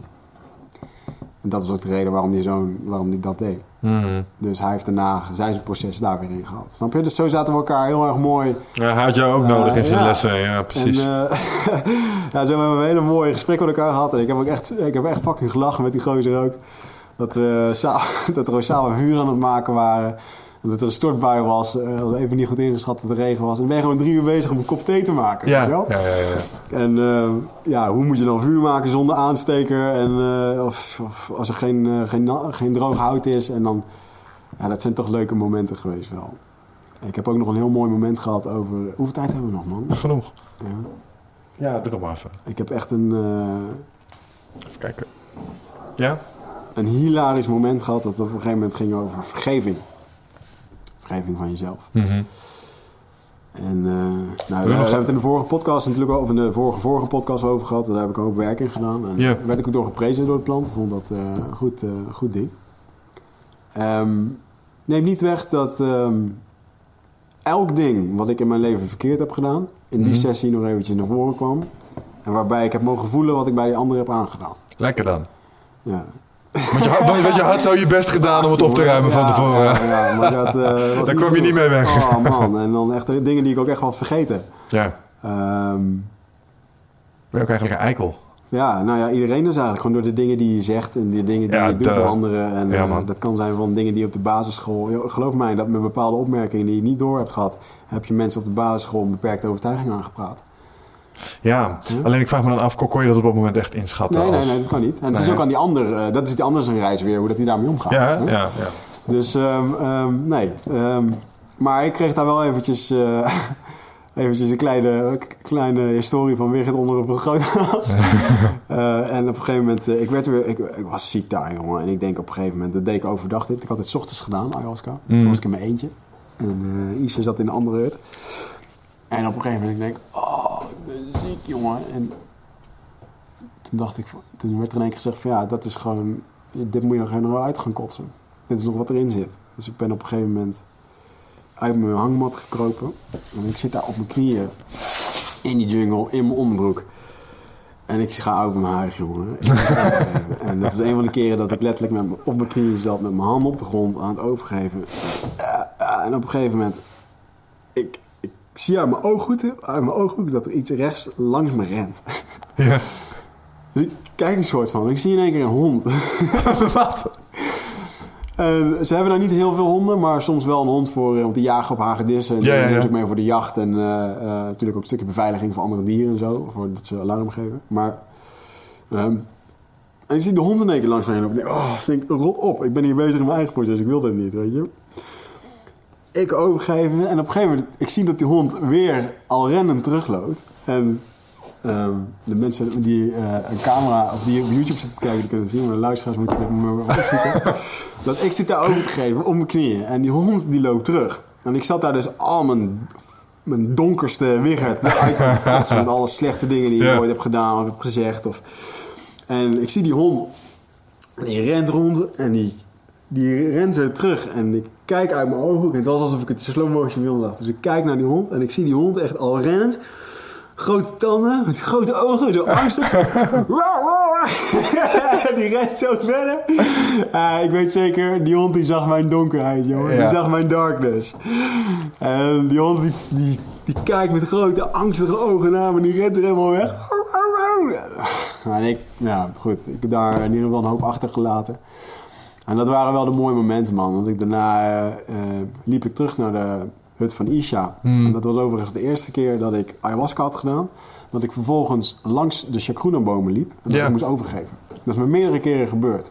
En dan voelde het alsof er een magneet aan mijn... ehm, gewoon iets aan mijn buik trok. Ja. En dat ik gewoon moest overgeven. Ja, dat was bizar, man. De chacruna die in de ayahuasca zit. Ja, dus gewoon ja, die ja. plant staat er, je loopt langs die plant en moet gewoon denken, weet je wel, in één keer, oh, wat is dit? En dat heb ik meerdere keren gehad. En dat is wel heel bijzonder. Dat geeft wel echt ehm, eh, de kracht van de planten neer.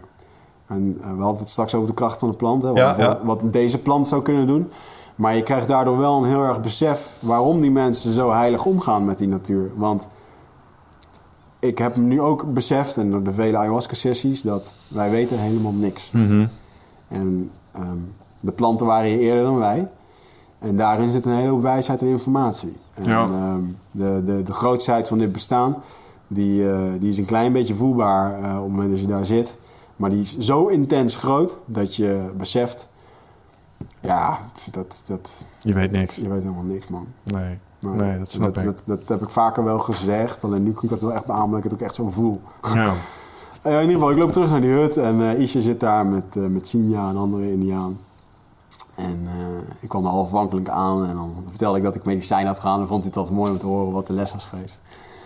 En vervolgens loopt die hond er langs, dus ik, ik leg met mijn Google Translate app leg ik uit hoe het met die hond was. Ja, ja, ja. Dat, ik om, dat ik over te geven. En dat die hond mijn do- donkerheid zag. En ik kreeg het wel uitgelegd. Dus dat, nou, dan, en dan lagen we daar met z'n allen helemaal dubbel in die hut, weet je wel. En dan vertelde hun dat weer in hun taal en die anderen. En dan had ik ook weer, die, die vrouwen stonden dan weer te, te luisteren en te lachen en te doen. En dat waren wel de, de mooie momenten, jongen, dat ik... ehm, ja, dat, dat je gewoon die samenhorigheid hebt, de vriendschap met mensen waar je geen woord mee uit kan. Ja, het feels like community. Dat is een beetje wat En eh, dat is waar ik de vriendschap voelde van, ja, fuck man, dit is mooi. Hmm. Dit is echt heel cool. Dat zijn wel hele waardevolle momenten voor mij geweest om... eh, ja, het doet ook echt maar als ik het over heb. Dat, Ja. je gewoon, eh, dat je beseft dat je gewoon door dit soort dingen... dat is het man, om samen te leven met elkaar. Ja, dus dat is wel een hele bijzondere eh, lachsessie. en eh, ja... Wat hebben we nog meer? Ik heb ook nog wel een sessie gehad ehm, over het verliezen van de ik. Ja, Dat was ook een hele intense sessie. Er werd ook aangekondigd dat hij pijn zou gaan doen. oké. En het verliezen van de ik is natuurlijk een, eh, een groot woord, hè, dat je je ego verliest. Maar het was een hele mooie les dat die, die me uitlegde over wat het stadium is. Hè, dat je in het slachtofferschap kan zitten, en op een gegeven moment de keuze kan maken om eruit te komen. En op het moment dat je ehm, met je hogere zelf, wat overigens ook een hoofdstuk was bij mij, eh, om in contact te komen met je hogere zelf, moet je dus eigenlijk voldoen om fysiek, spiritueel en geestelijk lekker in je vel te kunnen zitten. Mhm. En hoe meer je gaat werken aan jezelf, hoe meer dat dat ook gebeurt. Want die hogere zelf is niet iets wat je, eh, wat je ooit een keertje gaat krijgen. Die hogere zelf die is er altijd. Ja. Dat is als het ware een schaduw die, eh, die je volgt. Die is er gewoon altijd. Alleen je bent er niet altijd mee in contact op het moment dat je niet naar je intuïtie luistert. Eh, die intuïtie die kun je ook helemaal weg moffelen, als het ware. Als jij niet naar je hart luistert, als je altijd maar naar je hoofd luistert, dan op een gegeven moment wordt het ook gewoon minder. Oh zo, ja. En eh, dan heb je natuurlijk nou eh Wigert en een burn-out en eh, fysiek jezelf uitputten. Mhm. Wat ik daar overigens ook wel, eh, daar heb ik echt een fysieke reiniging gehad. Dat ik dat echt heb gemerkt dat ik, ehm, ja, door dat voedsel en zo en ook door eh, eh, van alles merkte ik het eigenlijk. Gewoon in mijn energie, in mijn ontlasting, in mijn maagproblemen en dingen. En eh heeft heel erg goed gedaan. Ehm, maar goed, uiteindelijk heb je natuurlijk ook nog het geestelijke, hoe je lekker in je mind zit. Dus ik had er allemaal mooie lessen over. Maar op een gegeven moment bleef er dan nog over dat je de ik moest verliezen. En dat werd me uitgelegd. En dat was een rotte avond, jongen. Dat ik, eh, ik vond een hele hoop. Mhm. Dat je ergens dingen van vindt. En ik, ik allemaal voorbeeldjes en dingetjes die er gebeuren. En ik had een mening erover en oordeel en eigenlijk alleen maar vinden. En het, het woord vinden kwam ook de hele tijd terug. Dat ik het overal vond. En ik werd gewoon ziek voor mezelf dat ik overal wat van vind. en dat ging gewoon drie uur lang door, jongen. Dat ik, eh, dat ik gewoon heb gesmeekt om het te laten ophouden. En ehm, toen moest ik op een gegeven moment naar buiten om dat vinden eruit te gooien. Ja. Dat was ook een, eh, toen dacht ik dat ik mijn voedselvergiftiging weer terug had onderhand. en toen ben ik terug gaan liggen en toen was het echt alsof er eh, met een zaag achter in mijn hoofd gewoon iets open werd gemaakt. En dat er letterlijk gewoon wat uitging. En eh, ja, super intens. Dat, ik heb het ook echt beschreven in mijn boek, waarbij ik gewoon echt helemaal lag te shaken in mijn hangmat. En dat, dat het gewoon echt pijn heeft. Dat ik echt, ah, gewoon hardop auw heb geroepen. Ja, ja, ja, Of, eh, dat je gewoon eh kermt. En eh, hetzelfde met, eh, met een eerdere sessie, met het in contact komen met je hogere zelf, waarbij ik eigenlijk drie lichamen zag: van je ziel, je geest en je lichaam, die in één keer zo in elkaar klappen. Ja. Ja, gewoon pijnlijke processen, man. Dan is het gewoon alsof je. Ja, alsof er weer een doos Lego in elkaar werd gezet, zoals die het hoorde, weet je wel. Mhm. En dat was een heel erg mooi moment dat ik de volgende dag met Evert aan het praten was. En dat hij weer eh, voor duizend en één keer hetzelfde verhaal aan het afsteken was. En dat ik gewoon naar kon kijken en dat het me echt, echt niks deed. Eh, niet in de zin van, hij irriteerde me niet aan, hij zat het gewoon te vertellen. En, eh, ja, prima. Ik gaf er ook verder niet echt een reactie op. Daar vroeg hij zelf ook niet op. Dat was ook wel mooi met Evert. Die kon dan gewoon een verhaal spuien en dan maakt het er eigenlijk niet uit wat je erop zei. weet Als je het maar kwijt was. Het kwijt. En ehm, ja, vervolgens. ehm, dat ging eigenlijk een paar dagen zo door. En ik weet nog wel dat. ehm, ik weet nog wel dat Evert op een gegeven moment zei. Hij zegt: Wigert, hij zegt: eh, Ik vind het zo fijn. Hij zegt: Bij jou kan ik gewoon. eh, kan ik gewoon alles zeggen. En je, je hebt helemaal geen oordeel over. Ik zeg: Dat is mijn grootste gewin van deze Die gast was echt je examen. Nee, maar ja, goed. En dat is wel een, eh, eh, was een hele mooie, mooie, mooie les voor mij. Maar het is ook een hele mooie les om te beseffen dat... ehm, hoeveel tijd hebben we nog? Ik zie jij dat... eh, Ja, ik had de tijd van de dingen even jij moet ook zo weg, hè? Of niet? Nou, we hebben nog... even kijken. Ja, 20 minuutjes. Ja, precies. Oké, Nou, dan gaan we wel een beetje afronden. Kijk, ehm, al deze lessen die zijn on- ontzettend eh, eh, wijs. Ik ga ze nog eventjes opnoemen. Dat is misschien wel leuk voor degenen die straks interesse hebben in het boek. Ehm, het gaat over zelfliefde, angst, helder zien, Dit zijn de 22 lessen die Ja. je hebt meegekregen. Oké, Ja. dus les 1 was? zelfliefde. 2? Fear, eh, dan komt helder, ja, angst, helder zien, discipline, positiviteit, zelfacceptatie, zuiver spreken, hogere zelf, vergeving, eer en dankbaarheid, liefde en relaties. Ehm, dan de strijder, die, eh, of de, de, de krijger die vecht, dus de warrior who fights. Hm. Opvoeding, een missie, dus je missie vinden. Controle, eh, luisteren. Dan eh, sage heb ik hier, en dat is natuurlijk Engelse vertaling voor een wijze, een Mhm. wijs iemand. Ja. Vervolgens eh, loneliness, oftewel eenzaamheid. Droom je bestaan, verlies de ik. Ehm, wat is jouw verhaal? What's your story? Geduld en overvloed. Dat zijn de hoofdstukken. Ja. Top. Ehm, al deze hoofdstukken, ja, ze zijn allemaal fantastisch, man. Er zitten echt mooie dingen bij. Je hebt er een aantal over de liefde en relaties. Ja. Heb ik ook hele mooie dingen geschreven. En eh, eh, ja, gewoon fucking goede teksten erover. Hè. Dus bijvoorbeeld een... eh, ehm, ik heb die jou in het Engels gestuurd, hè. Volgens mij die... die heb ik nog niet uitgeschreven. Gewoon wel mooie inzicht over liefde en relaties. Ook eh, over mezelf en over... eh, ja, eh, hoe, de, hoe, hoe dat bij mij is gegaan. Ja. En eh, ja.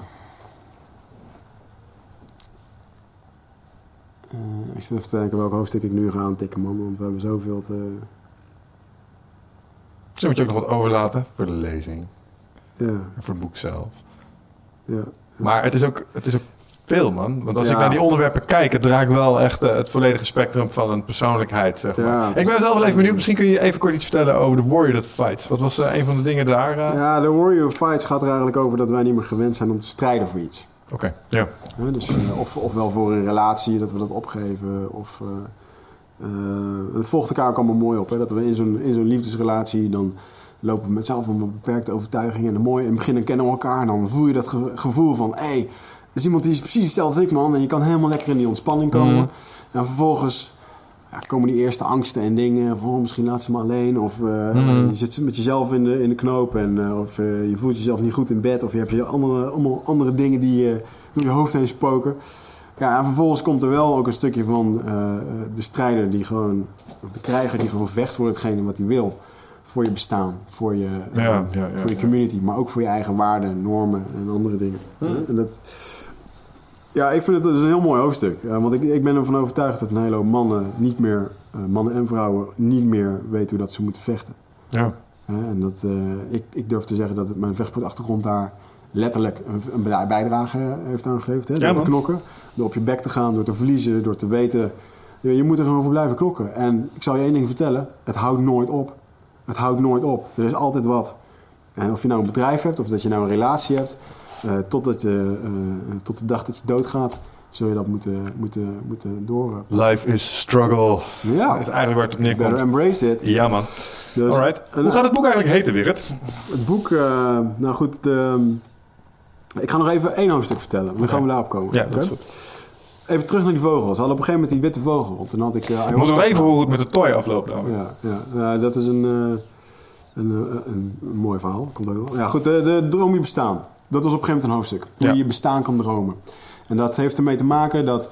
Dat liet me heel mooi zien. Dat als jij een idee hebt... Het, zijn allemaal, het is allemaal energie wat we hier hebben. Hè? En op een gegeven moment met die, met die verliesde ik... Weet ik nog dat ik daarna naar buiten liep. En dat ik echt gewoon voelde dat alles gewoon een soort van energie was. En als je dan het hebt over alles is één. Ja. En dat had ik uit mijn hoofd kunnen vertellen op het moment als we datzelfde gesprek hadden gehad. Als ik hier met een, met een Paul Smit of een Geurts of een, noem het allemaal maar op. Ja, ja. We zeggen allemaal hetzelfde. En dat had ik toen ook gezegd. Maar nu was het echt dat ik dat voelde. Dus dat je in één Ik stond daar in mijn blote buik, in mijn onderbroek, in die jungle. En ik zag gewoon de bomen helemaal door, echt heen en weer gaan. Alsof het waren, alsof het gewoon één grote dezelfde massa was. Hmm. Gewoon, eh, en ik, ik bewoog er wel doorheen met mijn hand, maar het- wat er om mijn hand heen zat, bewoog een soort van mee. En het was één, alsof ik in een grote geleipot zat waarvan Hmm. het zat. Ik heb nog ik heb filmpjes, eh, ik heb een stuk of tien filmpjes opgenomen waar ik wat vertel over de hoofdstukken. Die heb ik daarna gedaan. Dit is echt een, eh, een filmpje ehm, waarbij je mij echt verstrooid langs de oever ziet over wat er is gebeurd. Daar ken ik mezelf heel erg in. Dat ik, ik was echt van, what the fuck was dit? en ik, Ja, en, eh, mooi. eh, het, is een heel, het was een hele bijzondere ervaring om te ervaren dat alles uiteindelijk één is. En dat alles dus uit die bron van liefde komt. En ehm, het is niet zo dat, eh, me- dat ik de ik daar ben verloren. Ehm, maar ik heb er wel aan mogen proeven waarom dat zo'n ik erin zit. En hè, dat is mooie lessen.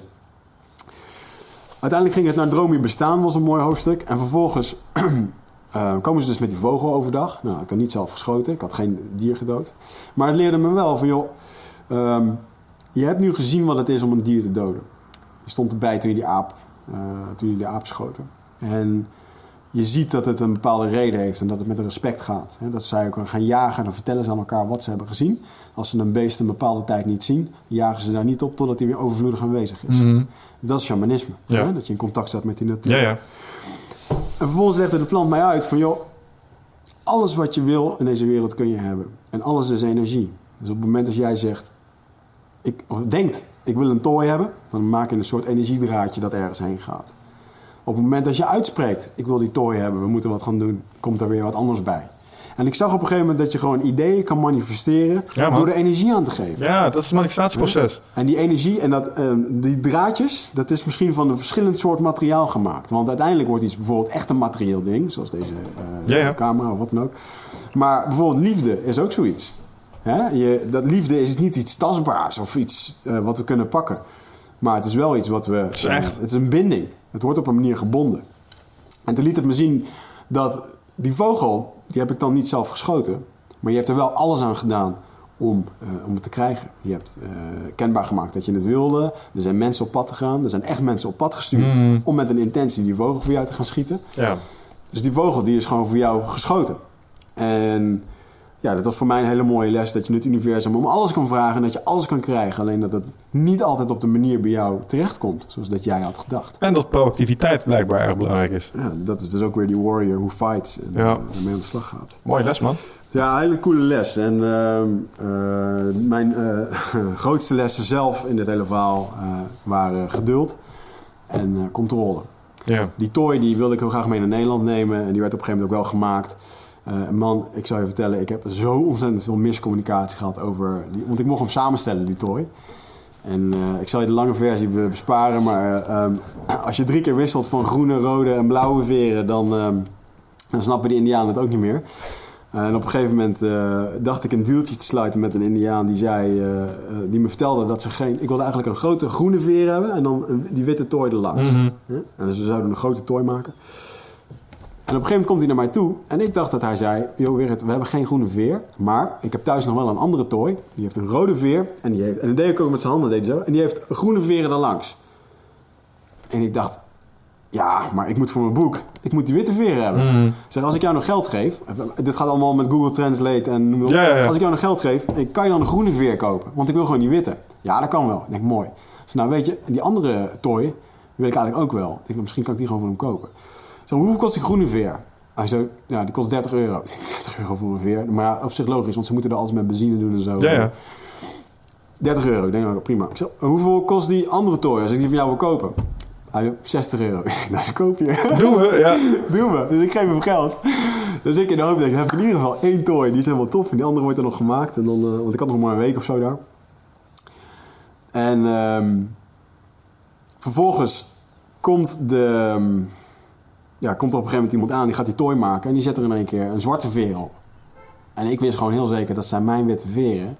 En er was een andere indiaan, die had ik nog nooit gezien. Niwa Iban heette die.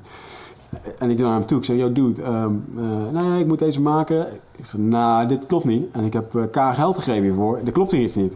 Kan je wachten totdat eh, K terugkomt? En het regende, jongen, die dag. En het was twee uur 's middags. Hij zei, ja, oké, wacht. Dus echt gewoon niks lopen doen. Een beetje muziek maken, die hangmat en doen en hangen. Mijn dieet was toen al voorbij. En ehm, eh, vervolgens eh, kwam K niet. Dus die, eh, dan was het echt zo, wanneer komt K? Amanja. Amanja betekent morgen.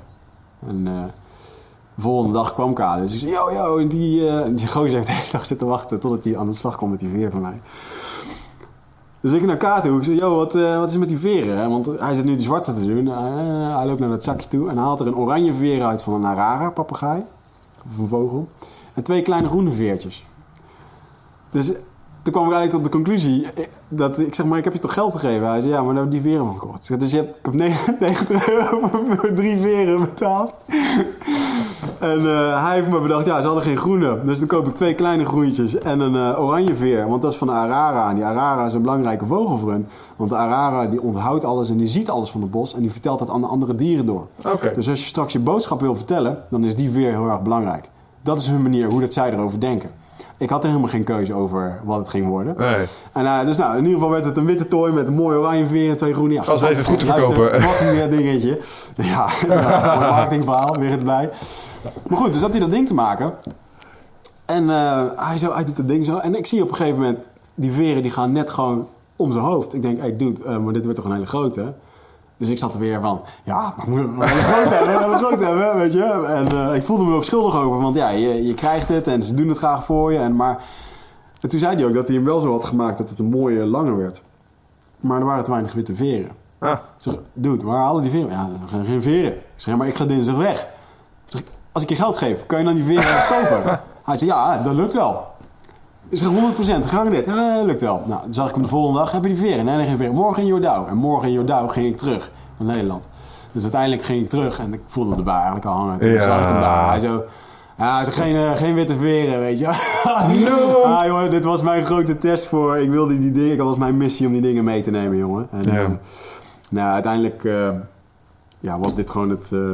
het de grote les. Dat ik me er uiteindelijk in het vliegtuigje terug... Dus zat ik erin, kon ik me wel aan overgeven. En ik krijg ze nu in januari. Iemand anders neemt ze voor me mee. Ja, dat is helemaal top, man. Dat is helemaal vet. En we zullen zien dat als je nu gewoon geduld hebt, dan wordt het waarschijnlijk exact de toy die je in gedachten had. En Ja. dat is gewoon een moddervet ding. Ja, wordt zeker een kikker ding. En uh, die gaat ook mee in de podiums op als ik lezings gegeven. En, uh, en doe. Mooi man, ja. Ja, want dat is wel een nieuwe missie. En ik wil, kijk, um, wat voor mij een hele. Uh, wat voor mij heel duidelijk was, was dat ik op een gegeven moment, um, als je in dat bos zit, dan, dan word je zo bewust van alles. Op een gegeven moment adem je de lucht en je voelt, je voelt de lucht die je ademt. En je, en je, je kijkt rond en je kan observeren, je zit helemaal in je eigen lichaam. Mm. En die Indianen spiegelen je niet. Want die, die zijn vrij puur. Die trekken niet aan je ego of dagen je uit voor spelletjes of dingetjes, helemaal niet. Dus op een gegeven moment, uh, ja, ik zal niet ontkennen dat ik op een gegeven moment in dat bos lag en dacht van, nou, dit, uh, als ik zo weer uit het bos kom, uh, ja, uh, dat is wel een behoorlijke verlichte staat waar je dan in zit. Mm. En met al die lessen en al die, uh, nou, zoveel keer ayahuasca. En uh, toen was mijn dieet afgesloten. Een week, een week later dan gepland overigens, omdat mijn shamaan vast zat in een dorpje met een vliegtuig waar hij niet uit kon. Mm. Um, dus uh, die zou iedere dag kunnen komen. Dus ik naar elkaar, ik zei, yo, kan, kan mijn dieet afgesloten worden? Ja, nee, moet Isha doen. En ik wilde natuurlijk gewoon zout en suiker eten. Mm -hmm. Ik zeg, zit er een ritueel aan vast? Nee, nee, zit geen ritueel aan vast. Dinsdag, dan is het gewoon uh, klaar. Dus ik stond dinsdag op de stoep. Ik zeg, oh, uh, gaan we het uh, afsluiten? Nee, er zit wel een ritueel aan. Oh, weer mis miscommunicatie. Wanneer is Isha er? Amanja, morgen. Mm. En iedere dag, zeven dagen lang, Amanja. Eigenlijk gewoon als iemand er vandaag niet is en dan komt hij waarschijnlijk morgen wel. Ja. Maar die was er dus echt een week niet. Ik heb hem op de allerlaatste dag dat ik wegging, heb ik hem weer gezien. Ja. Toen hebben ze mijn dieet afgesloten met een bepaald kruidenbad.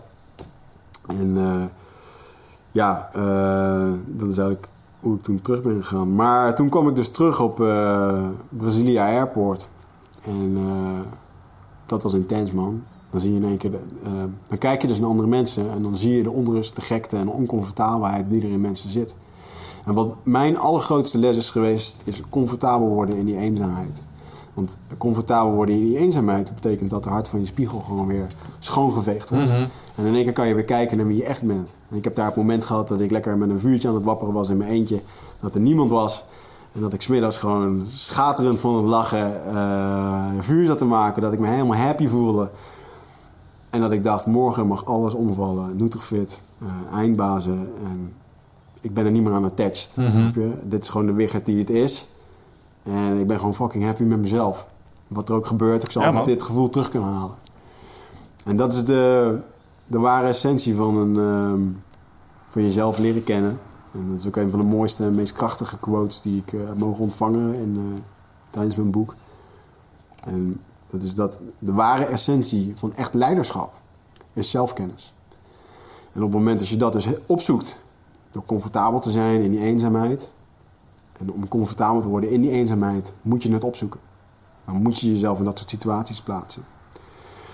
En daardoor groei je. Hè? En door, uh, door vergeving naar jezelf, door zelfliefde, acceptatie. En uiteindelijk kom je dus inderdaad tot, een, tot, een, uh, ja, tot de puurheid wat we eigenlijk moeten zijn. Ik zal niet ontkennen dat toen ik daar in het vliegtuig uh, terugging naar Brazilië Airport, dat ik daar op een gegeven moment op het vliegveld stond. En je, bent helemaal, je bent helemaal puur, je voelt je schoon, je voelt je rein. En op een gegeven moment zie je daar de gekte van mensen. En dat ik toch alweer merkte dat ik vrij snel uh, links en rechts een oordeel had over mensen. Waarvan mm. ik dacht van, uh, nou, je moet ook zo'n idee doen. Hè? Dan weten ze ook wat het is. Um, kijk, hun dan, uh, ja, die doen dit of dat, dat fout. Oftewel, ik was toch alweer aan het oordelen. Mm. Dingen die niet in het boek staan. Dus hoe mooi spiritueel, wat voor mooie spirituele verlichtende aha-momenten je allemaal kunt hebben het gaat er uiteindelijk over hoe dat je het toe kan passen in je dagelijkse leven. Ja. Dus dit boek um, is voor mij de spiegel die ik iedere ochtend en avond mag aankijken. Mm -hmm. Of dat ik um, heb geleefd en heb gestreefd om dit uit te dragen. Ja. En uh, dat is best lastig. Dat snap ik, ja. dus uh, weet je, voor mij is dit gewoon een hele mooie, mooie blauwdruk. Uh, ja, voor, uh, om een puur mens te zijn. Ik wil het heel graag uitdragen in de dingen die ik doe. Door middel van een eindbazen waar we lekker mee bezig zijn. daar heb ik ook de volle goedkeuring van die plant voor gekregen. Want je bent kennis aan het overdragen. Kijk mm. naar de levens die je verandert. met Nutrifit zijn we bezig met gezondheid. en ik wil heel graag met dit ga ik een, wil ik een internationaal pad op waarbij ik deze boodschap ga uitdragen. Waarbij ik dus ook heb gezien hoe ik dit boek, wat uiteindelijk The Sacred Truth gaat heten. Mm -hmm. Want Sacred, uh, het, is een heilig, het is heilige informatie die erin staat, omdat het uit het bos komt. Mm. Alles wat in de jungle of in het oerwoud aan je wordt verteld door zo'n plantdieet is heilig. Die informatie is heilig, alles eromheen. Dus het is voor mij de heilige waarheid. En uh, ja man, The Sacred Truth, dat gaat het worden. Mooi, mooi, mooi titel ook. Ja. Gaaf man. En uh, wat wel heel mooi is, uh, is dat ik uh, daar een hele hoop heb gezien over wat er in de toekomst gaat gebeuren. En ehm, dat ik bij Marieke wat meer in de school ga doen. En nou, dan ben ik dan nu aan lesgeven met persoonlijk leiderschap. Wat super leuk is, wat er ook mm. goed aan bijdraagt. Um, ik zag mezelf de promotie van mijn boek doen. Dat heb ik letterlijk opgeschreven. Dat ik in televisieshows, grote podia, um, internationale podcasts terechtkom. En uh, ja, eigenlijk drie uur nadat ik uh, terugkwam, uh, had ik een uitnodiging van RTL Late Night.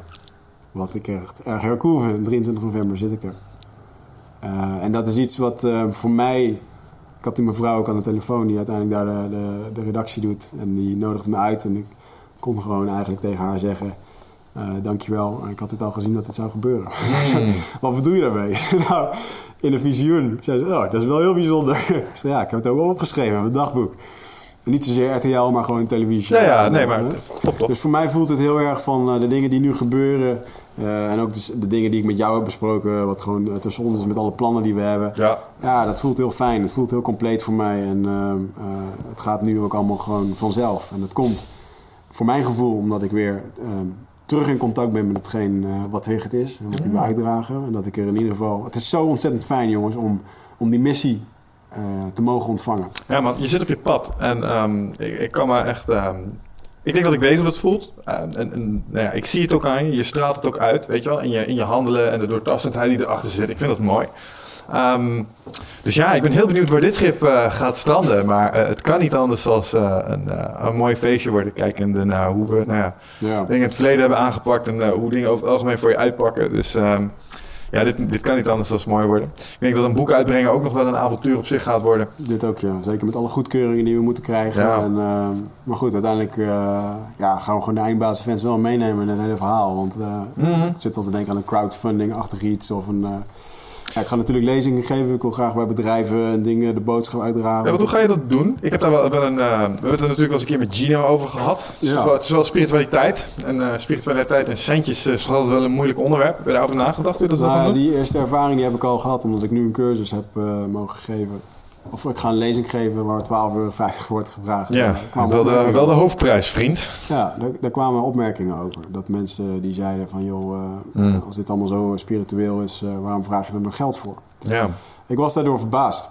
ik heb er altijd met een, met een, met een knipoog naar gekeken. Ik geef bijvoorbeeld eh, bij eh, Marieke op de school. Er zitten 50 eh, of 30 leraren. Ja. En daar heb ik eens een keertje een verhaaltje over gehouden over hoe je een online autoriteit wordt, hoe je meer geld kan verdienen. Daar hebben we dat ook besproken. En daarbij zei ik van joh, je mag gewoon geld vragen voor dit verhaal. Want Ja. hè, het schoorsteen moet gewoon roken. En nu werd ik in één keer geconfronteerd met mijn eerste lezing over een kaartje van 12,50, waarom men dat te veel vond. Omdat, ja, als het allemaal zo spiritueel was, waarom durf je er dan geld voor te vragen? Ja. En daar heb ik wel over nagedacht. Eh, A is het zo dat wij hier een gesprek hebben gehad met Gino toen hij in de podcast was. Ja. En die gewoon heel eerlijk zijn van jongens, eh, de schoorsteen mag gewoon roken. Nee, je moet voor jezelf zorgen, Ja. anders kun je niet voor anderen zorgen. Ja. Ehm, ik heb er wel over nagedacht. Als ik er terug op reflecteer, reflecteer ik terug naar het eerste hoofdstuk in mijn boek. Zelfliefde. Ja. En dat heeft er inderdaad mee te maken dat je gewoon voor jezelf mag zorgen. Een tweede ding is dat ehm, als ik mijn boodschap wil uitdragen, zoals ik dat wil, en dat is niet alleen in Nederland, wereldwijd, heb ik daar geld voor nodig om meer mensen te kunnen bereiken. Ja. Mijn boek moet uitgebracht worden, het moet gedrukt worden. Dat kan goed eh, 10.000 tot 20.000 euro kosten als je het in een beetje oplagen doet. Eh, er zit marketing omheen. Eh, ik doe daar een hele hoop werk voor. En eh, ja, goed, uiteindelijk is het zo dat als ik een baantje zou nemen van 40 uur per week.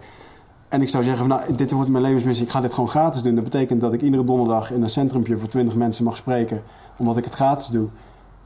Maar eigenlijk niet fulltime bezig kan zijn met die missie. Dan heb je niet de impact die je zou kunnen maken Nee. natuurlijk. Nee, natuurlijk niet. Daarnaast wil ik het, wil ik het eh, voor de mensen die hier moeite mee hebben, wil ik het dus terugreflecteren naar hun, naar hunzelf.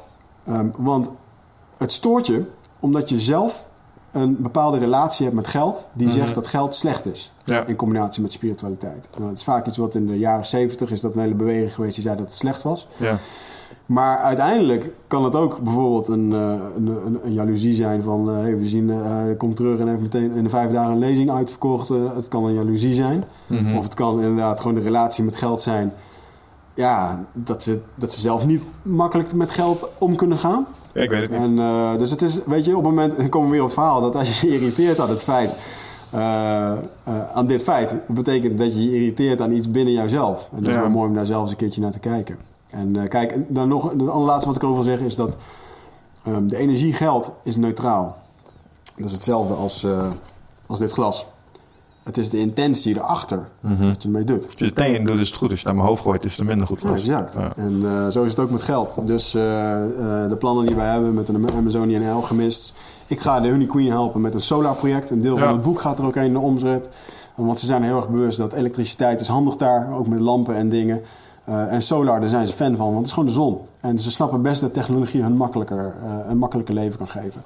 Dus een deel van mijn eh, de, de lezingen wordt ook gevraagd om donaties. Die gaan daar ook heen. Dus dat draagt er allemaal bij, weet je. Ja.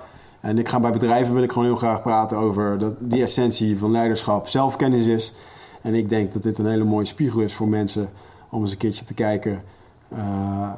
ja, het zit allemaal in jezelf. En als je dus aan jezelf gaat werken, wauw man, dan kan je de wereld veroveren.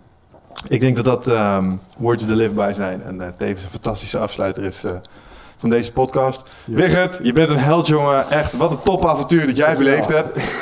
ik wou je er nog wel even bij vertellen dat je me wel een paar keer eh, enigszins pissig hebt gemaakt. Ga nooit meer naar de jungle en ga bijna dood. Je had me wat met de klantenservice opgezadeld. Wil je dat nooit meer doen? eh, sorry. en ik zou je ook een beetje gemist hebben natuurlijk. Dus, eh, maar ik ben blij dat je er weer bent. Dus, Dankjewel eh, dat, ik, eh, eh, dat je me de kans hebt gegeven dat ik dit heb kunnen doen.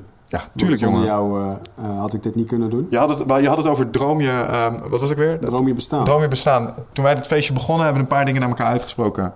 Ze beginnen allemaal gewoon waar te worden, jongen. En dit was er één van. Je hebt gezegd, ik wil dit gewoon een keer eh, zes tot acht weken kunnen doen. Ja. Je hebt het voor elkaar gekregen. Dus Ja. eh, van harte, man. Ja, dankjewel man. Goed gedaan. Dat is top.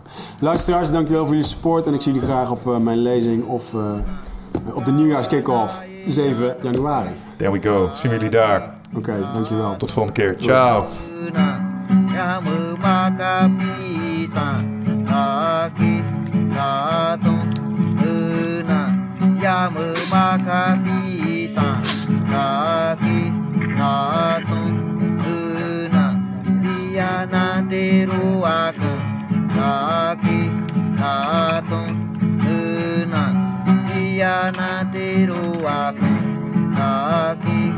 Atuna